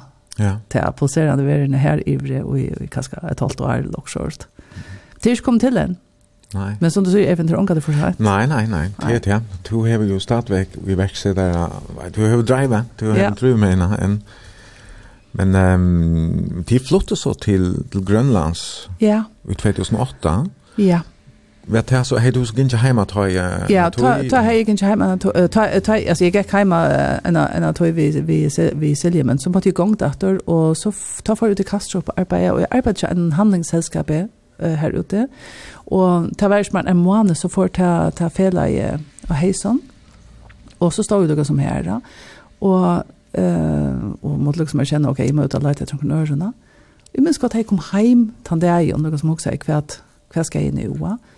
ta ta ring til telefonen. Det var en som er Tom av oss fra fra Air France og han er møttes nere nere for noen som som arbeider som var der kommer og handlingsselskapen, og han han heier anfallen til ringe til morgen. Det var, det var sånn helt merselått. Eh og ehm så spurte jeg om vi hadde noen annen jeg kunne henvise til som kunne, du vet, som kunne voucha sin for meg, og så ble han rinja til Magna, og det er en etterført samråd, og så ble jeg gjøre i Frans. Mm -hmm. ja. Det var et mega stort opplevelse. Ja. Det var ute av Flåvatel nesten. Det var ute i Flåvatel nesten. Så kom jeg etter noe som var gamla gøter. Ja, ja, nemlig, ja. ja. Det var et, hei, et ganske vanlig starv her som, som ekspederer vi, vi diskjønn og så gjør det. Mm Eh och det var det var det det var det var störst upplevelse. Vad var det som gjorde att att de flyttade till Grönland? Var det arbete Nils? Det var det var arbete Nils. Alltså det var en tog i Grönland här som och det är så stadväg men hon hon var en kort nog nog vi hade det ta att vi att man vill ha Grönland där att till till till Grönlands Eisen Lyra Store va. Det var ju primärt danskar som som har sett i Lyra Store i Grönland. Och så han blev han fick börja arbeta som, som uh, kommunstjärare ute i Norge Nordstor kommune. är Damas Öva säger till världens nästa kommuna i areal. Mm. Ja. Ehm. Inte något utbyggnader. Inte något utbyggnader, det måste man säga. Men, um, men och ta, ta folk så, ta var, du vet, det är vi impulsiv. Ja. Så ta gör det. Ja. Först du så är ni arbeta en affär i Grönland. Ja? Så för är vi var en en låtit jag för Grönlandslöj och i minns gott har ta ta ta för arbeta att hem ta heta vad det skiftar inte i Grönland men ta huxa till att hata för vara som i Atlantis ni helt vet det när pionjär Anton och så är som det var det var slash familje. Alltså vi satt inne i en stor skrivstol och här satt bara alltså här folk var alltid en ångstande borstor och så vidare så satt öll ofta ensamma att det stora skrivstolen och ta fast förslå hon så att. Okej. Okay. För även om man kanske själva väl ment i nok ta. Nej, alltså jag grinnar inte om det alltid tar tar jag om det men ta bara att jag saknar ändå här att att det hände jag sen där mig. Jag helt att det hände för lite. Och så kom Starve som som som för även gjorde för nok och och ta ta sökte så och och fick det. Så det var ju och egentligen flott det för jag. Ja. Hur så vi cruise shipen kommer till isen. Det kommer isen. Det var det var något som det som jag sa som jag mördade att du du är det förvännen i Grönland är väl inte alltså hon förvännen i Grönland hon är koncentrerad om norra Grönland och södra Grönland. Öliga lite ju nog. Du man helt inte ordentligt nog hej det ser alltså i norra Grönland det är ju isfjärden och så är det och Och i princip nu det ser man att hur så drivande isfjärden är i i så Grönland ja. Och Um, og så husker jeg, men hva, vad ska man bruka orskene på? Og ta kom en 12 cruise ship inn uh, nok. Og ta gick ta gick en, en uh, ta gick ta, og ta leie orskene etter. Så at ett och ta jeg 35 skip. Okay. Ja, så at uh, man lukker som sutt at ta målagene som var, og ta var, ta var en orda gå målag, ikke? Ja. Men til flottet så at til følger, eller to flottet, Ja. Nilsson skulle. Jag väljer några år i, i Grönland så så och alltså jag ofta huxar om det men när när det tog in att flytta att det förra året. Ehm och um, så sa en lösning efter att uh, visitatorsan skulle det ha eller kunnigarsson heta. Skulle det ha en en en något just göra ingenjör ju varje nog var. Och eh och ta sagt jag för att tänkte ju pröva. Och och fick så ta starv och ta mest gjorde väl att ta vill jag gärna, jag vill gärna hemåt. Mm -hmm. Så tog jag kom hjem først bøttene, och Nils var etter og, i Grönland och og han var nesten vi på Benjamin? Ja, Nils var, han älskar i förger. Eh, Uh, visst det stod han, så var det flotte førjer var det, ja, men, men, uh, men uh, det ble så till det ble så till nu va. Och jag flott i, i 7. oktober, och bøttene kom i december, och så skulle Nils och i, i februar. Mm -hmm. Men... Um, Da opplevde du så en annen affær at Stor sjokk i løvene. Ja, ja, det gjør det. Ehm det är det är mentna något och nog det var att han han en sån där det var mentna något och Nils har haft han var han var stjorde för flowvallen där och i Grönland och han har haft några framlöver och så vi är här och jag startade så vi en telefon till han är av ut härifrån och ehm han har alltså han jag har ju onat här är att vet jag alltid känner så väl för och så så det tror jag menas det är ju mist och kallt i januari nog så det tror jag något han för och och spyr mig om om man ska um, om man ska kan ringa den som hemma och jag har också förnämmelse av att vi sina jag bor bara att jag bor bara i telefonen eller kommer bilen. Och och så kommer in i bilen och så ser jag vad händer det och så ser han han han blev sen disorienterad och till nästa lötna så var han väck. Så det var det, det så årene, altså som han sier at han, ja. han blev det som orienterer over. Og så, ja. og så sitter du her i følgen og, ja. og sambandet med Um, ja, det var, det var um, till så det ringte en sån känning att sätta år och hästengen men det, alltså jag fick tillkalla uh, allt uh, alltså det som jag, jag fick fatt ju omkring i alla fall som, som hjälpte mig för att en ambulans och, och så var jag det men Här var han inte göra. Här var han fick hjälp eller kört.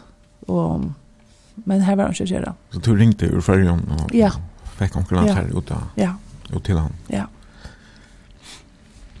Så ja. Du sa det här färjan och alt var klart til det köpt hus ut i Arjun. Ja. Bøttene var kommet hem Og... Ja. Ja. Och så står man här. Ja. Vi är när en er sin ringer støve, ja.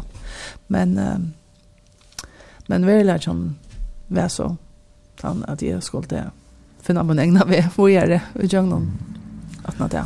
Og jeg sier at du sannelig finner ikke en parste av, av, uh, motganske her i løven. Ja, Det har vi, men jag har alltid också att, at jag har eisen haft, alltså jag får mig alltid häppna til jag har haft några arbeid som jag verkligen har älskat. Jag brukade alla mina togetna till när jag visste Torsan, älskar jag her, där och kollegorna som jag heier nere i Starsforsnö och det, det var... Och jeg älskar meg samstår i kommunen. Det var her jag mötte, det var her jag mötte Ingebjørg, arbetade sammen med Inchbjörg. Och, hon var kommunstyrare og det var en, det var en sånn frakt, arbeid sammen med henne. Mm samman vi vi hejen och och och, och tem som så till på den ta hej ta ta ta hjälp mig eller väl ta ta gjort det så att jag hade jag var det happen på tammatan att att inspirera som vi satt så kom stanna i fyrdog när kommit samman vi ta ehm jag har det här att man man man måste nästan så att hej tension då alltså du du får några ja du får du får några framåt nu jag nu men alltså till ett område också om det att att jeg vill vært øyelig heppende forhold til arbeid. Jeg har alltid slått arbeid arbeid som jeg vill vært øyelig glad for. Mm, ja. Ja, du er jo mekna komma, komma, jeg tror jeg er hver jeg er. Ja. Og, Men det är ganska drive som som som ger det alltså till mm. alltså att man hävdar drive. Jag har alltid haft det här vi att att man kan inte bara säga det. Man kan inte bara säga det här. Jag är ju några böt som som skulle vara och det var allt för mig att att mm. att hej kommer väl och vilja på sjukhus nere. Och det var ganska första i mest att Taylor kom sen det var ju att jag lovade mig själv att att och jag jag fick en sån kollaps sättne. Och och och ta ta blev jag snygg allt vad jag är för den fair och det var det var det var det gott för mig. Du får på inte gång vi arbetar Ja, la en vik halt i var en vik hemma och kanske ja här lei och så ehm och så får jag ett arbetssätt. Mm. Men uh, Nils, han blev så gärra Han är gärra över för Ja, det är han. Det vill du gärna ha? Det vill jag gärna ha, ja. Uh, jag vill gärna ha att, att jag vet vad det är inte han har grova affär till pappa, men han, han um, här, här, alltså man kan få minnesvärda självan, ja. Ehm um, då han kom många jag tror jag tror det var viktigt för mig att att det lilla barnet kommer hej är det alltså att det blir äldre att kunna föra till så så det brukte jag sen jag orskar på alltså ta att att få göra en förjon och Og det fikk jeg snu til, til jeg det glad for. At det hever tøtning, at, at du hever et punkt her du kan, her du kan fære til, at du hever et sted du kan fære til, at jeg vet ikke, slipper til noen frustrasjon, eller sitte uten noen sorgen, eller det, ja. Mm. Og det er fri for fantastisk å sitte ute i en kyrkerne, eller det. Ja. Ja, ja. Men uh, du nevnte um, Ingebjørg Berg, som du arbeidde sammen med, uh, ja. ta, du møtte jo ja jag spelar jag sen när jag tar tid att vara på samman. Hon har faktiskt en hälsan när hon skriver jag sitter ju i Sandvik och huxar om akkurat deilige dejliga löter i smärna. Alla bästa kollega i hemmen som jag glömmer jag få åter. Ja. Så tid har ju fyra dygn kommit och ja. Så får nok uh, helst jeg venter etter her til på et eller annet tidspunkt. Det er ferdig til. Og var og hava en, altså, og, og kunne hver sin ting, og, mm. og det som også kunne man altså det man ser til sammen, så får det et ordentlig godt produkt på sju år. Altså mm. det er, det er hovedet. Nei, det er, jeg, jeg elsker okra. Jeg elsker okra samstart, det gjør jeg. Ja. Jeg kom der nekvar helsaner, men um, du har valgt at vi skulle spille en sang som jeg vet Nils uh, domte jo øyelig vel. Ja. Yeah. Det er danske bøkeren Seipia som spiller. Ja. Vi held vi for å spille han. Jeg bråd av honom. Ja. Og så venter vi etter vi sms-halsen og øren. Ja. Det er the day after tomorrow.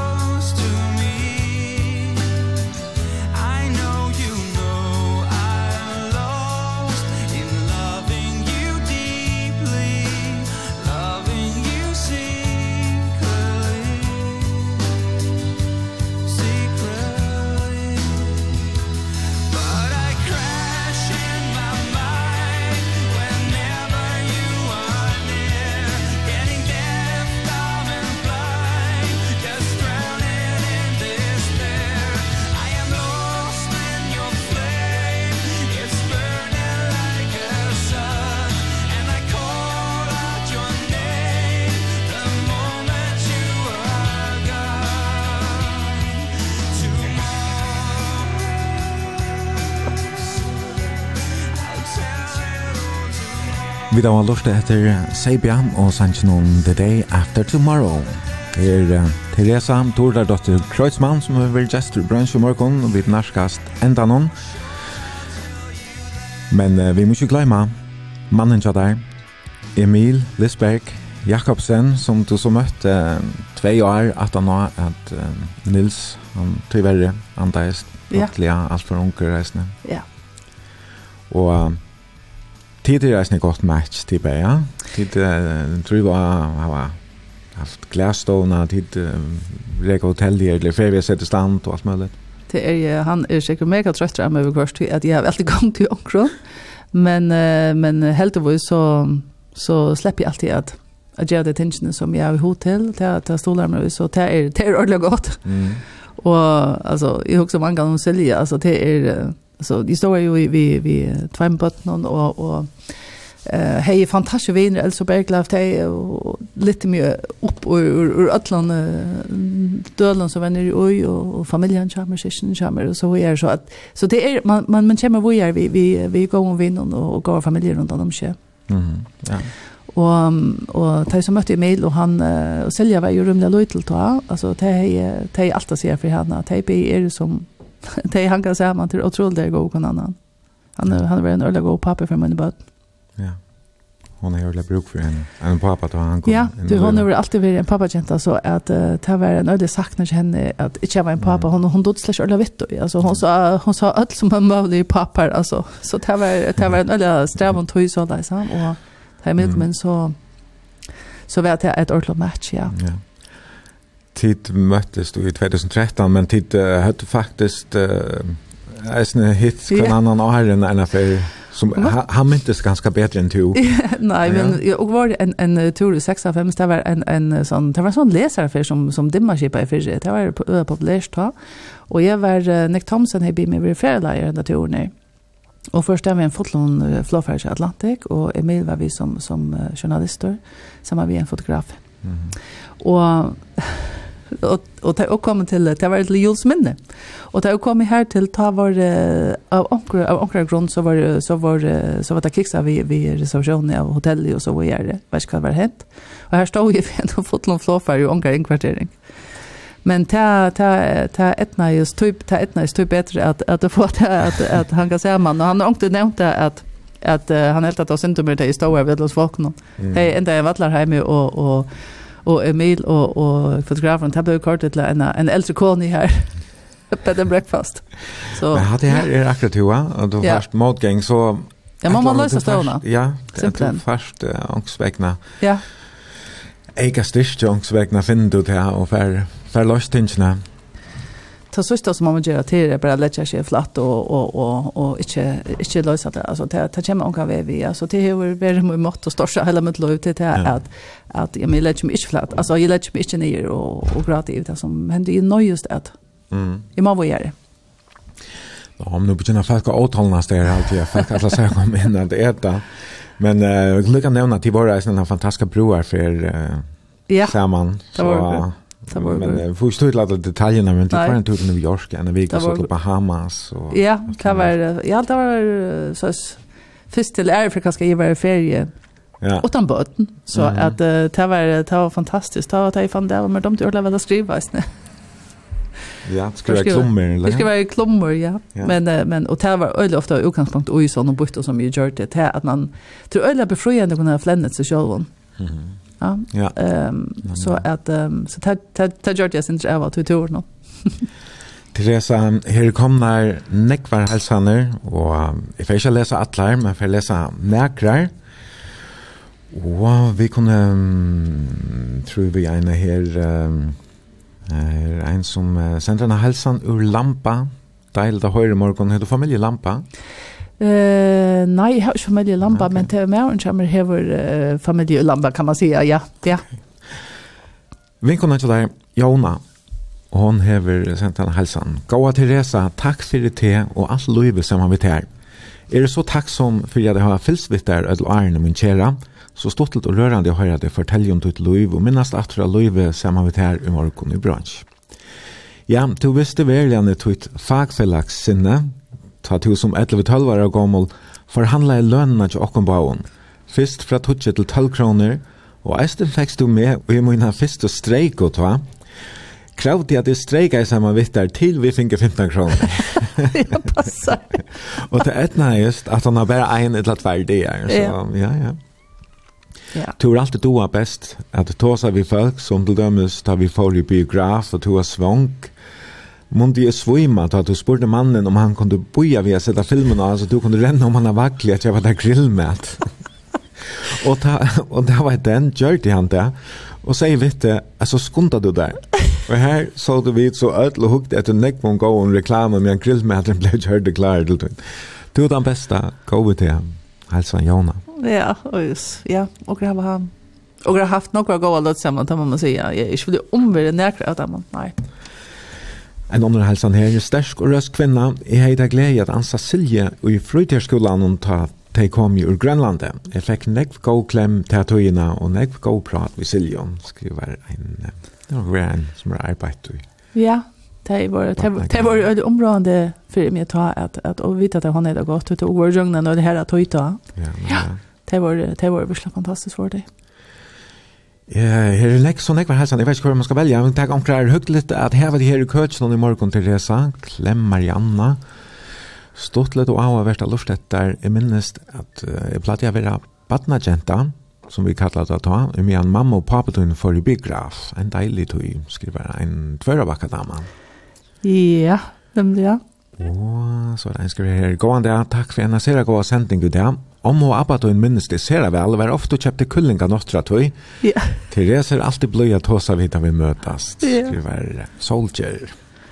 Ja, ja, så er det ja. en som eisen minnes, da jeg tog flottet til Sørvox, en så flott dama, og så kom han eisen vi i Sørvox tonlagarafella. Så å ha vært av lortet morgen. ikke det er alt det beste, skriver en lortet. Ja. Så her spalte du eisen i hånden. Ja, det gjør det. Ja, Her er det komnar øyla nekvar halsaner at træt. Vi får at vi bare ikke stunder til Meira, Teresa. Nei. For jeg takker deg mega gengje for at jeg kunne komme her til Voksa Vidja i morgen. Det har vært stek av av verst, rørande og hun har hunaløst eisne. Ja, men det var, det var ordentlig godt. Det er det sin tur, det er det man skal til å fortelle oss en analyse, men du, du gjør det. Du gjør det neppe med Eivind. ja, men jeg halte du... Uh, Du tog vel å fortelle fra selv. Takk for det. Du, um, du vel å skilja at du, jeg snø. Du liker vel arbeid og ferie vinner, arbeid og følt seg alltid, jeg snø, og så er det. Det er da man har til arbeid, det henter nærmere, og så er det. Ja, ja. Ja, men takk for blodskapen, takk for en fremmerskerende bransj, og takk til Emila, jeg snø. Vi er bare la det. Ja. Tusen vel, jeg finner du alltid velkommen natt. Og så får jeg deg som lykke takke for helsaner og vi merker og sms-kjipene og Facebook-synet Kjær Bransj. Vi skulle forresten neisen i. En sang her, den tar vi. Ja. Og jeg halte, ja, jeg halte jeg har funnet han. til er den som eider Hill Have To Go, va? Ja, ja. Trotjum Rius. Nemlig, ja. Hetta var altså brunch hesa fer gesta fer. Teresa Tordet etter Kreuzmann, i er Even Jensen og bare jeg at vi brunch og nukken gesta. Leier den klokkan 5 minutter i vi. Takk til som lortet og godt vikeskiftet.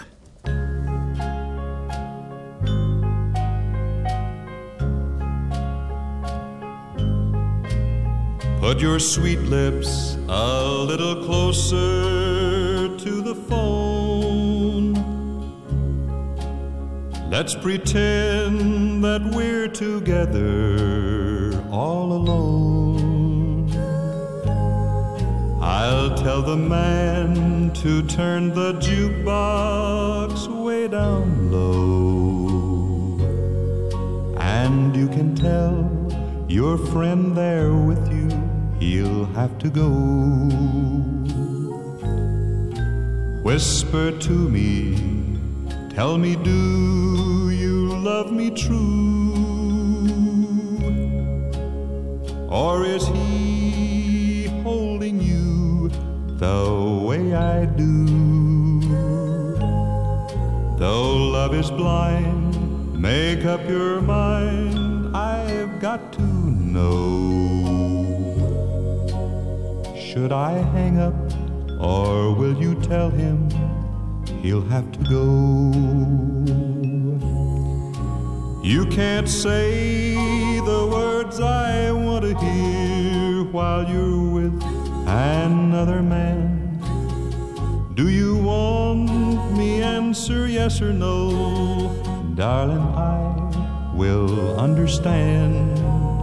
Put your sweet lips a little closer to the phone. Let's pretend that we're together all alone. I'll tell the man to turn the jukebox way down low. And you can tell your friend there with you. You'll have to go.